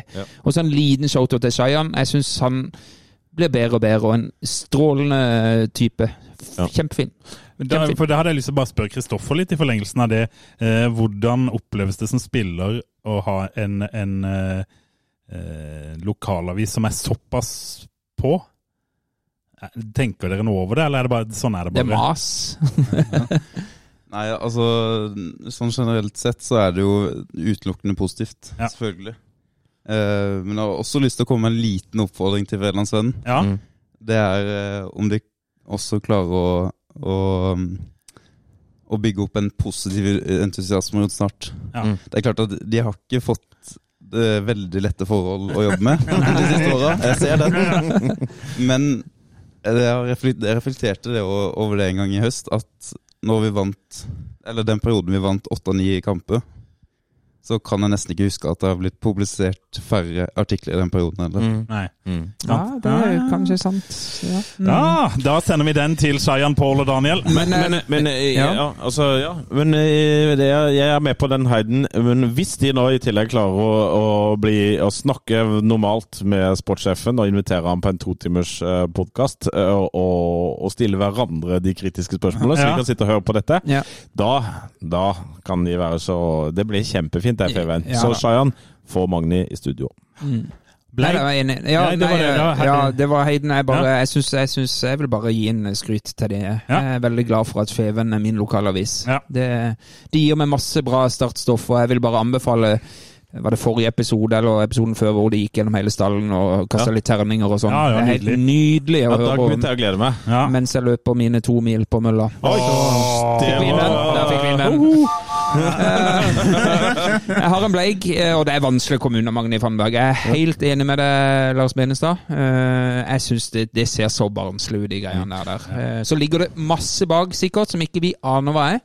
Og så er vi selvfølgelig glad for at han har lyst til å prate med oss. Eh, Det er klart, det. Eh, Kanskje vi kan få nøsta opp i det der på et tidspunkt? Det håper jeg at vi får til om ikke så lenge, ja. Mm. Det hadde vært veldig gøy. Ja, det hadde det. Men, men jeg tror at uh, profes- Altså, jeg tror jeg, altså, jeg ser at en del eh, sier at da er han på vei vekk og sånt. Nå, jeg, jeg tror jo ikke Jeg syns ikke det virker som han er på vei vekk. Enig. Eh, men Hva, hva, eh, at det er mer at det er en disputt mellom han og ja, altså, det vet jeg ikke. Jim Rune Bjorvann, liksom? Nei, altså, er jeg ikke. Og om det, virker ikke sånn er, om det ikke er det, så får Magni det til å virke sånn. Ja, det gjør han. Ja, eller Feven nå. Ja, ja, ja. ja. Ja. De, men de sier jo vi når ikke Vi aner ikke, som Pål sier. Jeg vet ikke hva det er for noe. Så, Det må de jo vite. Da Nei, må de jo snakke sammen. Han sier Altså, det. Men uh, i hvert fall, det må de finne ut av. ja. Du har vel noe heid og bleik du òg, Gims? har? Ja, og jeg er jo alltid glad i unge nye spillere som er framadstormende og skal inn på startslag. Mm. Så når du vinner alt av fysiske tester i start, ja. Sander Rikardsen, Oi. da får du en heid av meg. Er det, er det jeg kan spørre Kristoffer, Kjenner du til han? Er det, er det sønnen, barnebarn til Paul? Eller eller er det? Han er jo fra Øya. Nei, det kjenner jeg ikke. Nei, du gjør ikke det? nei? Alle er jo i slekt på øya.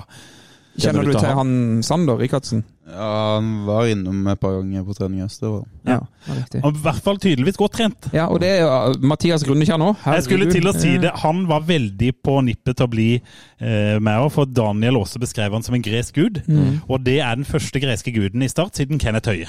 ja, nettopp. Ja, ok. Ja, ja. Han ble omtalt som gresk gud i sin tid, og jeg hadde noen venninner som var i overkant interessert. Å, Nettopp, ja.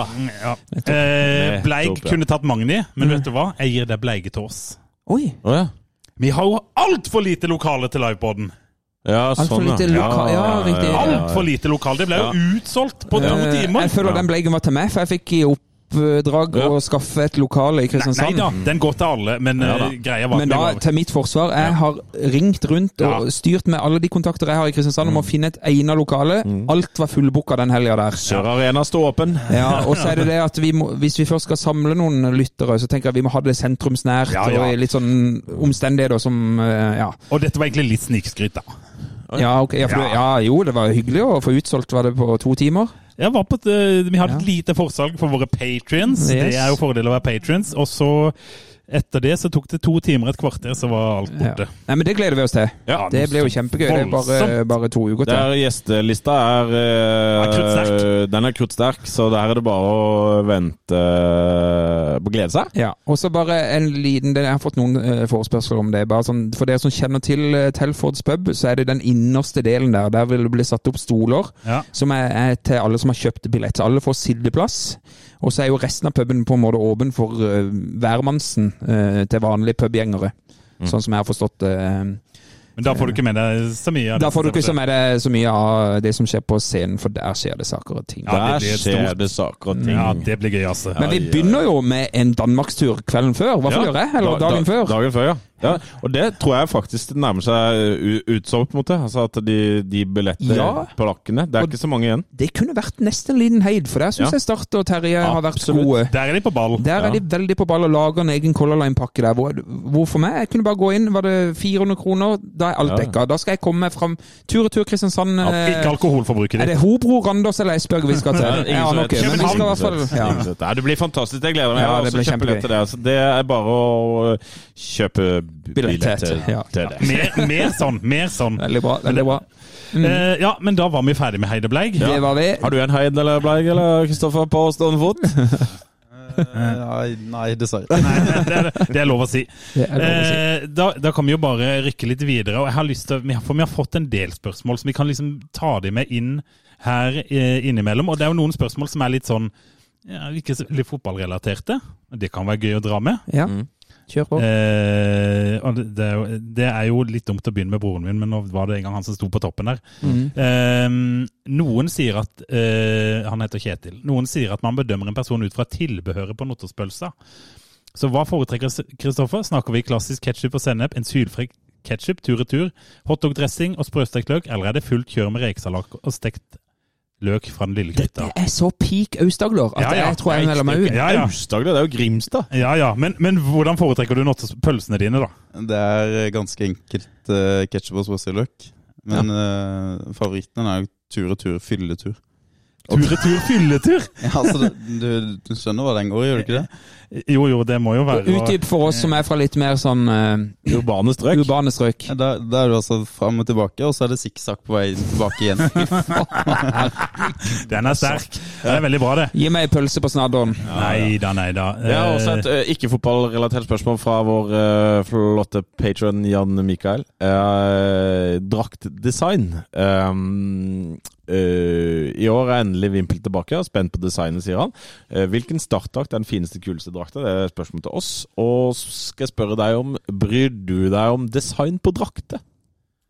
Jeg er nok ikke den som bryr meg mest om det, Nei. men uh, det er klart jeg setter pris på å En spille en, en fin drakt enn en stygg drakt. Det, Ja. det. Ja. Har du i løpet av din periode i Start tenkt fanken heller, den var stygg, den drakta der?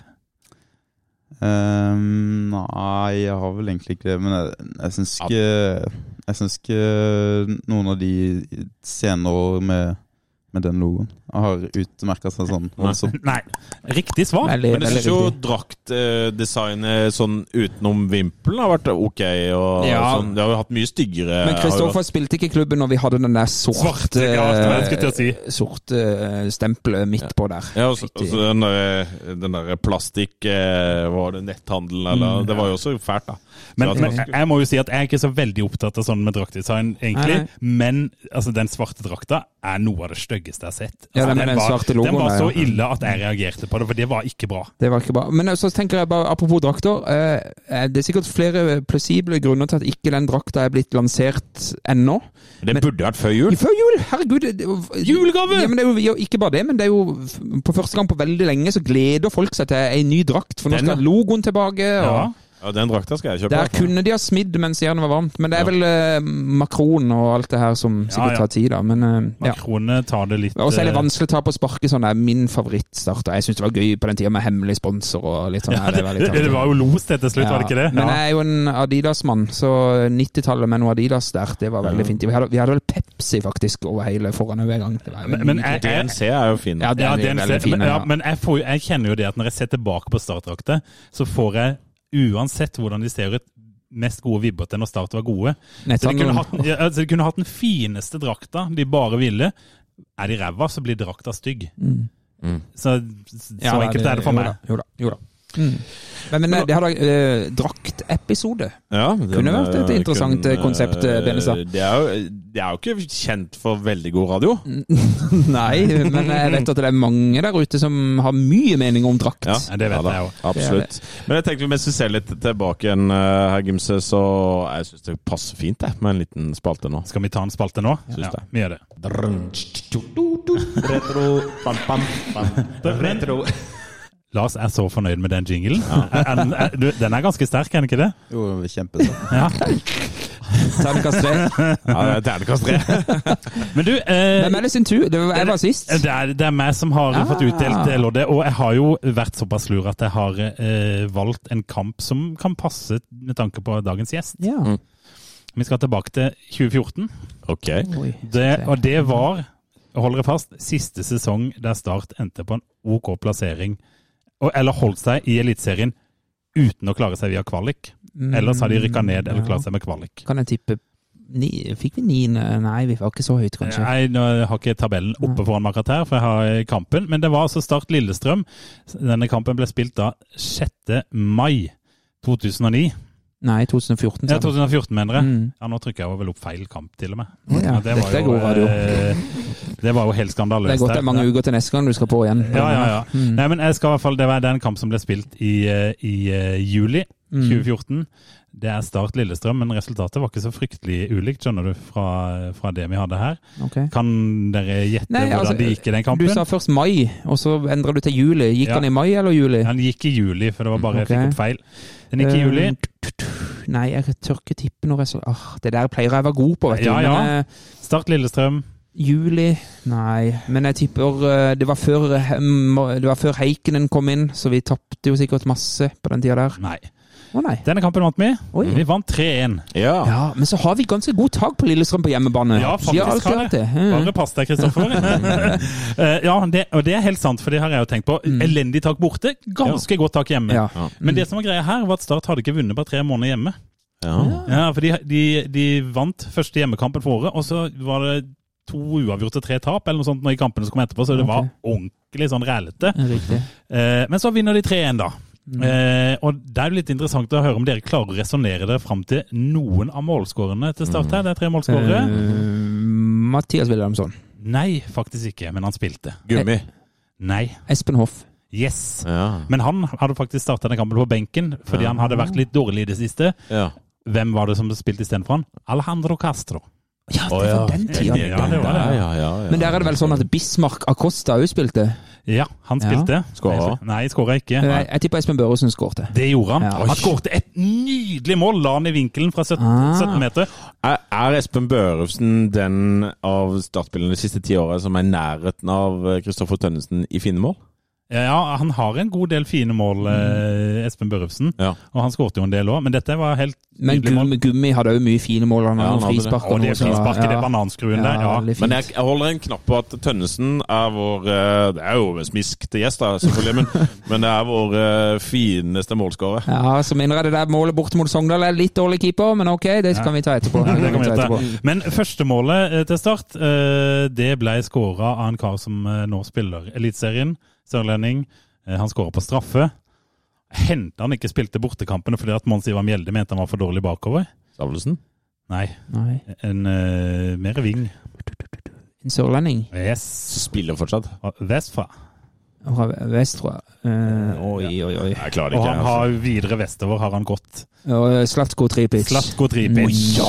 Slatko Han hadde òg noen vanvittige mål. Ja, det Ja, og den Ja. kampen her, den, det ligger ute, hvis du søker opp kampen, så ligger det eh, en oppsummering av kampen ute på Ja. Alt om fotball. Ja. Og på Espen Hoff sitt mål så har han altså et voldsomt raid! Ja. Han setter fart fra egen halvdel og bare durer gjennom hele Lillestrøm-forsvaret. Espen Hoff? Eh, Nei, eh, Slatko. Og så legger han inn foran målet, der kommer Espen Hoff. For noen gøye spillere. Espen Ja. Hoff, Slatko Trebic, Mathias Wilhelmsson, Ja, Gummi, Bismarck Acosta. yes. Eh, og litt artig med mannen som spiller høyreback. Uh, gitt vår gjest.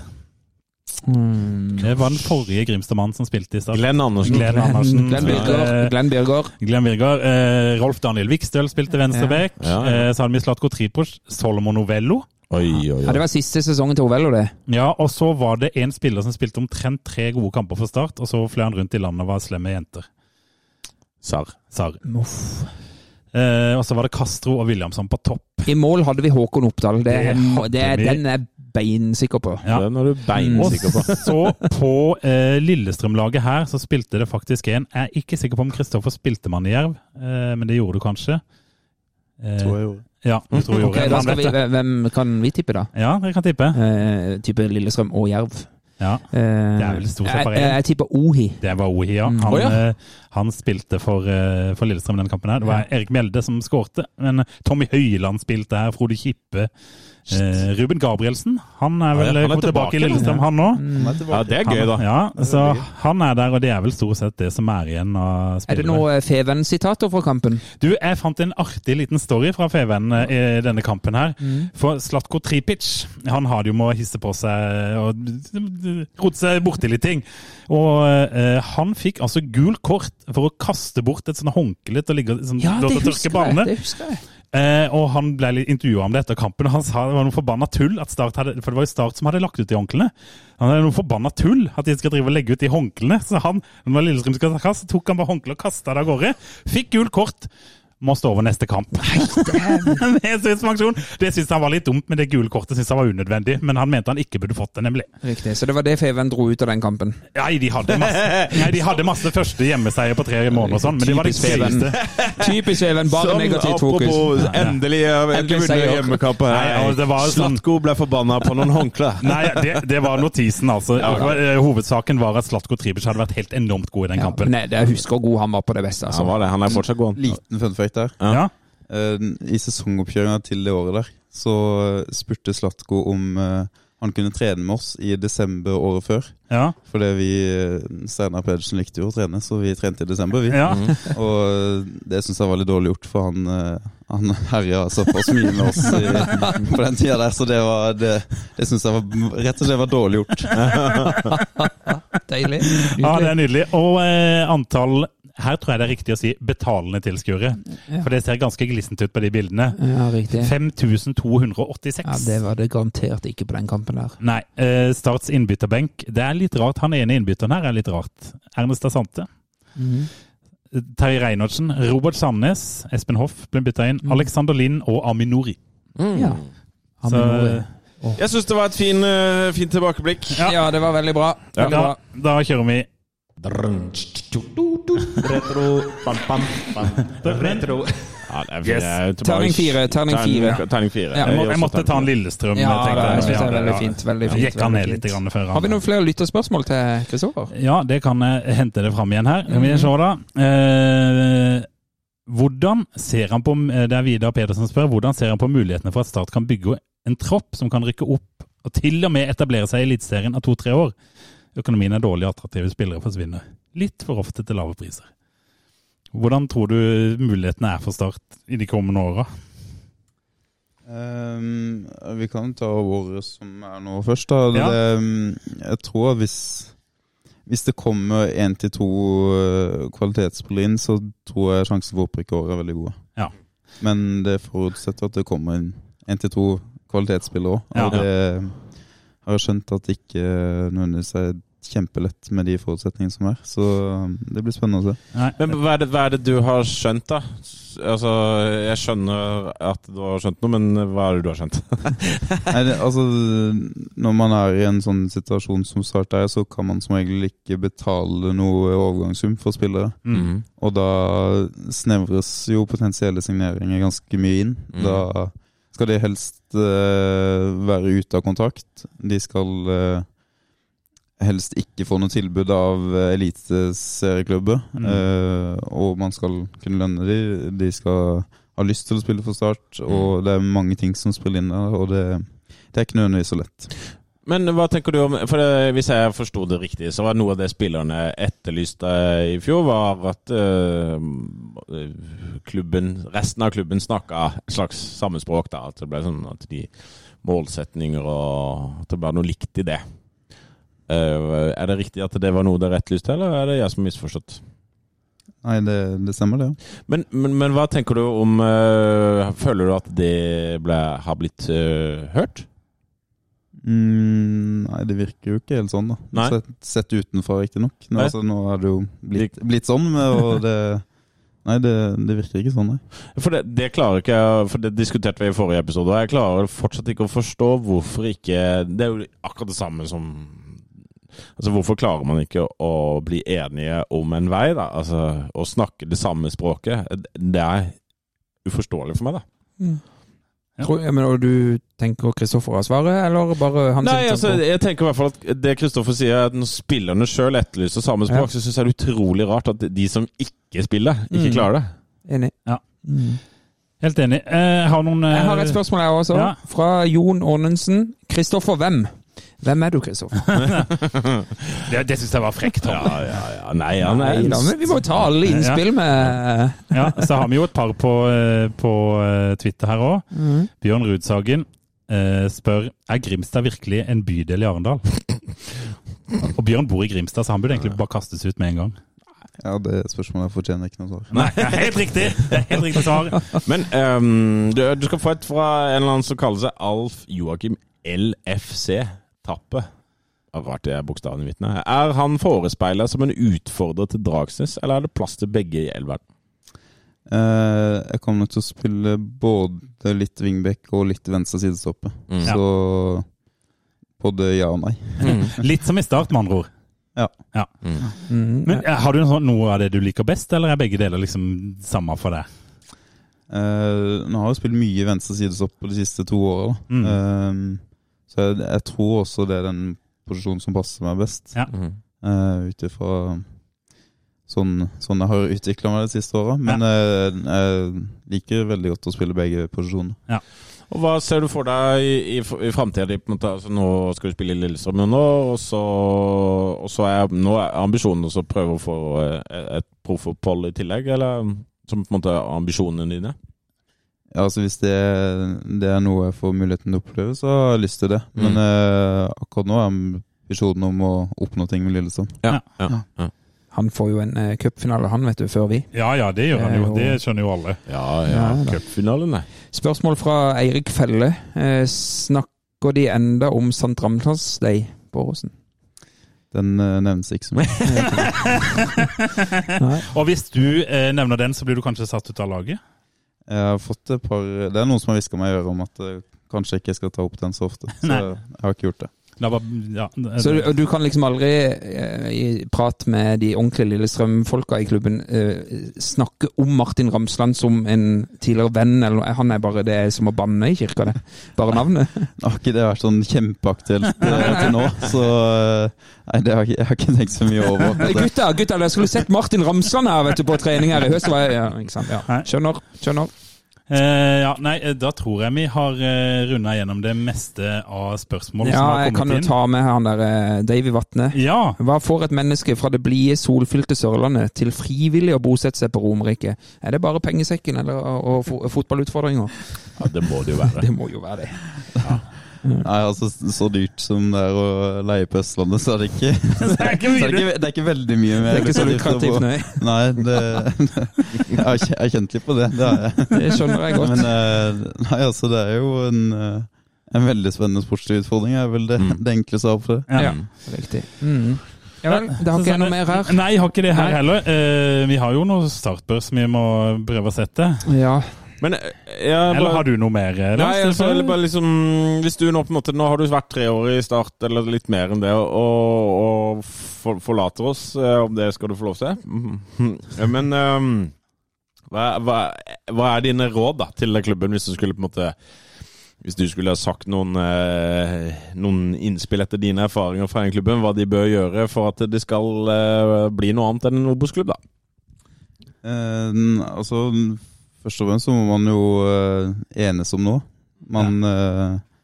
må eh, ja, rett og slett gjøre som spillergruppa gjorde i, i høst, og samle seg og rett og slett eh, dra i samme retning. Eh, helt klart gjøre alt de kan for å bygge et eh, solid økonomisk fund fundament. Mm. Um, Jeg har lest eh, flere artikler som, hvor de uttaler at nå det er, det er dette året, eller ikke, hvis ikke så klarer vi ikke å fortsette den satsingen som vi har den dag i dag. Eh, Det er jo ikke et veldig positivt tegn. eh, Mm. At det å skulle stille et sånt ultimatum i en inngang til en sesong er jo ikke ideelt, Nei. selvfølgelig. Um, og så helt klart å gi Sindre tid.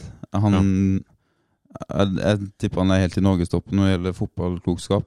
Og har ikke så mye rutine som uh, førstelagstrener, men det, det får han jo nå. Mm. Uh, og han han nå kommer til å utvikle seg som trener de neste Mm. åra, det er jeg helt sikker på. Så ja, rett og slett uh, ta vare på Sindre. Er du, er du, du har troen på at kanskje allerede neste år så møter du Start i Eliteserien? Ja, jeg håper jo det. Hvis de forsterkningene kommer, da. Ja, ja, naturligvis. Det. Men det er én ting jeg ikke klarer å forstå med det der uttalelsene, det er at de sier de må rykke opp i år med den satsinga, men, men jeg klarer ikke helt se hva er den satsinga? Og så kan jeg få lov til å legge til noe som hører sammen med det. De har jo denne, denne avtalen med Kjetil Aasen, som aldri ble underskrevet, de millionene de har der. Ehm, Det viser seg jo etter hvert å være genialt, da. Ja, det, det er, er Kanskje. Hvis de, hvis de kan ha en sportslig forsvarlig satsing som tilsier at de skal rykke opp Mm. For hvis de ikke rykker opp, så forsvinner det jo fort like mye penger i at de ikke klarer å rykke opp, som de tjener på at disse spillerne får de mer penger for. Mm.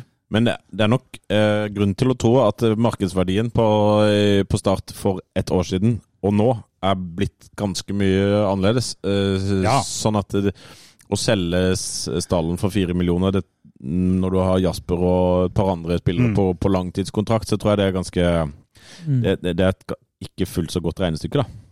Nå har vi bare, når vi er innom aktualitet, og vi har en danske på prøvespill nå. Det har vi. Uh, uh, og Håper håper han uh... ikke er den nye Sebastian Buch. Eh, Stakkar, han har fått mye pes. Kan du si noe fint om han? For vi har, vi har brukt han som en sånn eh, Sebastian Buch blir jo aldri gjest i den podden her. Nei, det tror jeg ikke han har nei lyst til. vi, han har jo blitt en sånn kortreist Nigel Rio Coker, altså totalt bomkjøp, Mm. selv om han skårte. Kan du si noe fint om han, som vi liksom kan få retta på inntrykket litt? Var han en hyggelig fyr? Ja, så absolutt. Han var eh, en veldig fin type. Ja. Det, det kan jeg bekrefte. Ja. Og da er det meg, da. Fotballspilleren Buch. Nei, men øh, jeg håper at øh, Jeg håper at Kristoffer Tønnesen får rett om Start. At Ja. de klarer å snakke samme språk. Henter inn et par øh, forsterkninger. Og lånespillere, det er ikke å forakte det i den posisjonen vi er nå, da. Nei, for det er jo litt det, da, hvis de, men da mener jeg at man burde ha lånespillere med en eller annen form for opsjon på kjøp, dersom man rykker opp og den økonomiske situasjonen da blir bedre. Ja, det er enig i. Jeg tenker, mens vi går over i en startbørs, så kan vår gjest begynne å forberede sitt startminne. Ja. Så kan vi ta en børs. eh, For jeg tenker vi snakker om oppbruksmuligheter og sånn. Jeg er fremdeles der hvor jeg syns det er kjempevanskelig å skulle ta noe standpunkt på, på hvordan dette kommer til å gå. For det handler om manglende Nei da. Nei. At vi, som også eh, Kristoffer sier, disse her to eh, kvalitetsspillerne som må inn. Jeg må se de. Ja, Så ja. kan jeg være mer bastant på hvor vi ender. Ja, det- Det var det med, med Daniel Aas sin siste FVN-podden. Sånn, Hvem blir størst toppskårer? Den nye spissen! Han skårer 17! Jeg vet ikke hvem det er! Ja, det, det er jeg enig i. Jeg støtter deg, øh, Stappers. øh, var, men jeg kan- ja, men jeg kan bare fortsette på startbørs. Ja. For vi, inn, vi hadde alle fem sist, hadde vi ikke det? Vi hadde vel omtrent fem. Ja. Jeg, jeg, jeg er faktisk oppe på seks nå, for nå, nå, nå har vi en danmarkstur som jeg syns Start har eh, reklamert godt for. Ja. Eh, det er en sånn liten lett bris av positivitetsvind eh, rundt eh, Ja, bare noe jeg enser. Ja. Eller sanser. Ja. Eh, så jeg, jeg går opp en, en karakter, jeg er på seks. Ja, jeg er fortsatt på fem, men jeg gleder meg til jeg skal til Danmark. Jeg er- jeg er også fortsatt eh, på fem. eh, For jeg er enig med deg, men Magnus Jeg har jeg blitt han? ja, Magnus tull trekker ned litt igjen. Ja, jo, det er faktisk sant. Ja. Det er faktisk sant. Nei da, men, Men- det er men- ikke så mye nytt. Nei, det er, det, er, det er jo vanskelig å sette startbørs når det ikke skjer all verdens. Så Ja. det blir en femmer igjen. Nå vil jeg høre et startminne, og så lurer jeg på om jeg har lyst til å gå hjem. Ja, men det tror jeg vi alle har. Skal vi hive på litt bakgrunnsmusikk, da? Det syns jeg er artig. skal vi ha litt bakgrunnsmusikk? Ja, vi vi har alltid litt bakgrunnsmusikk. Ja, akkurat eh, hvilket år eh, Det kan kanskje dere bekrefte etter dere har hørt historien. Eh, der, det, jeg vet ikke helt hvilket år det er, men iallfall. Uh, jeg hadde en, en klassekamerat på videregående. Han eh, hadde en kompis fra Vennesla som ofte gikk på startkamper, og da sto med Ultras 1905. Eh, og så tenkte jeg at eh, det hørtes gøy ut, jeg blir med en tur. Så vi satte oss på bussen til eh, Kristiansand.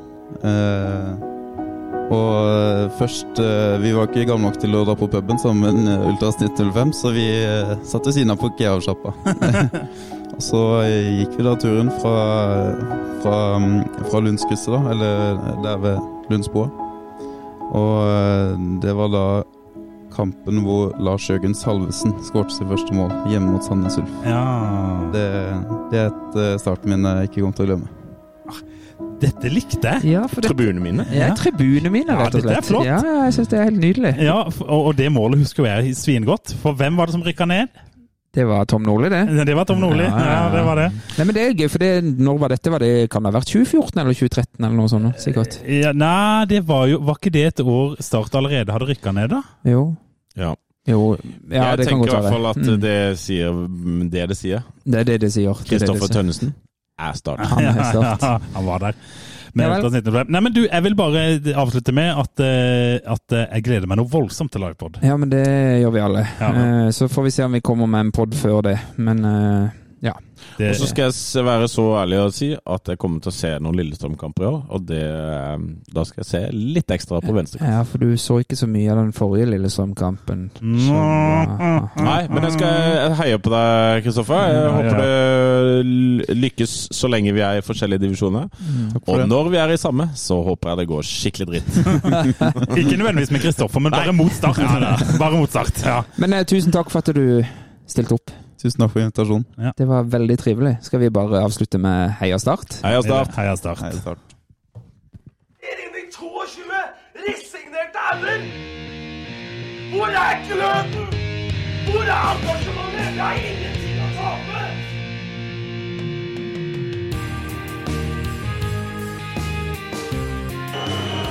Ja, forlenges tid på Martin Ramsland. Skal du sette etter? Og så gjør han det!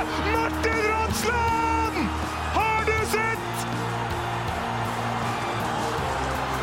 Kommer til å bli større enn Jesus!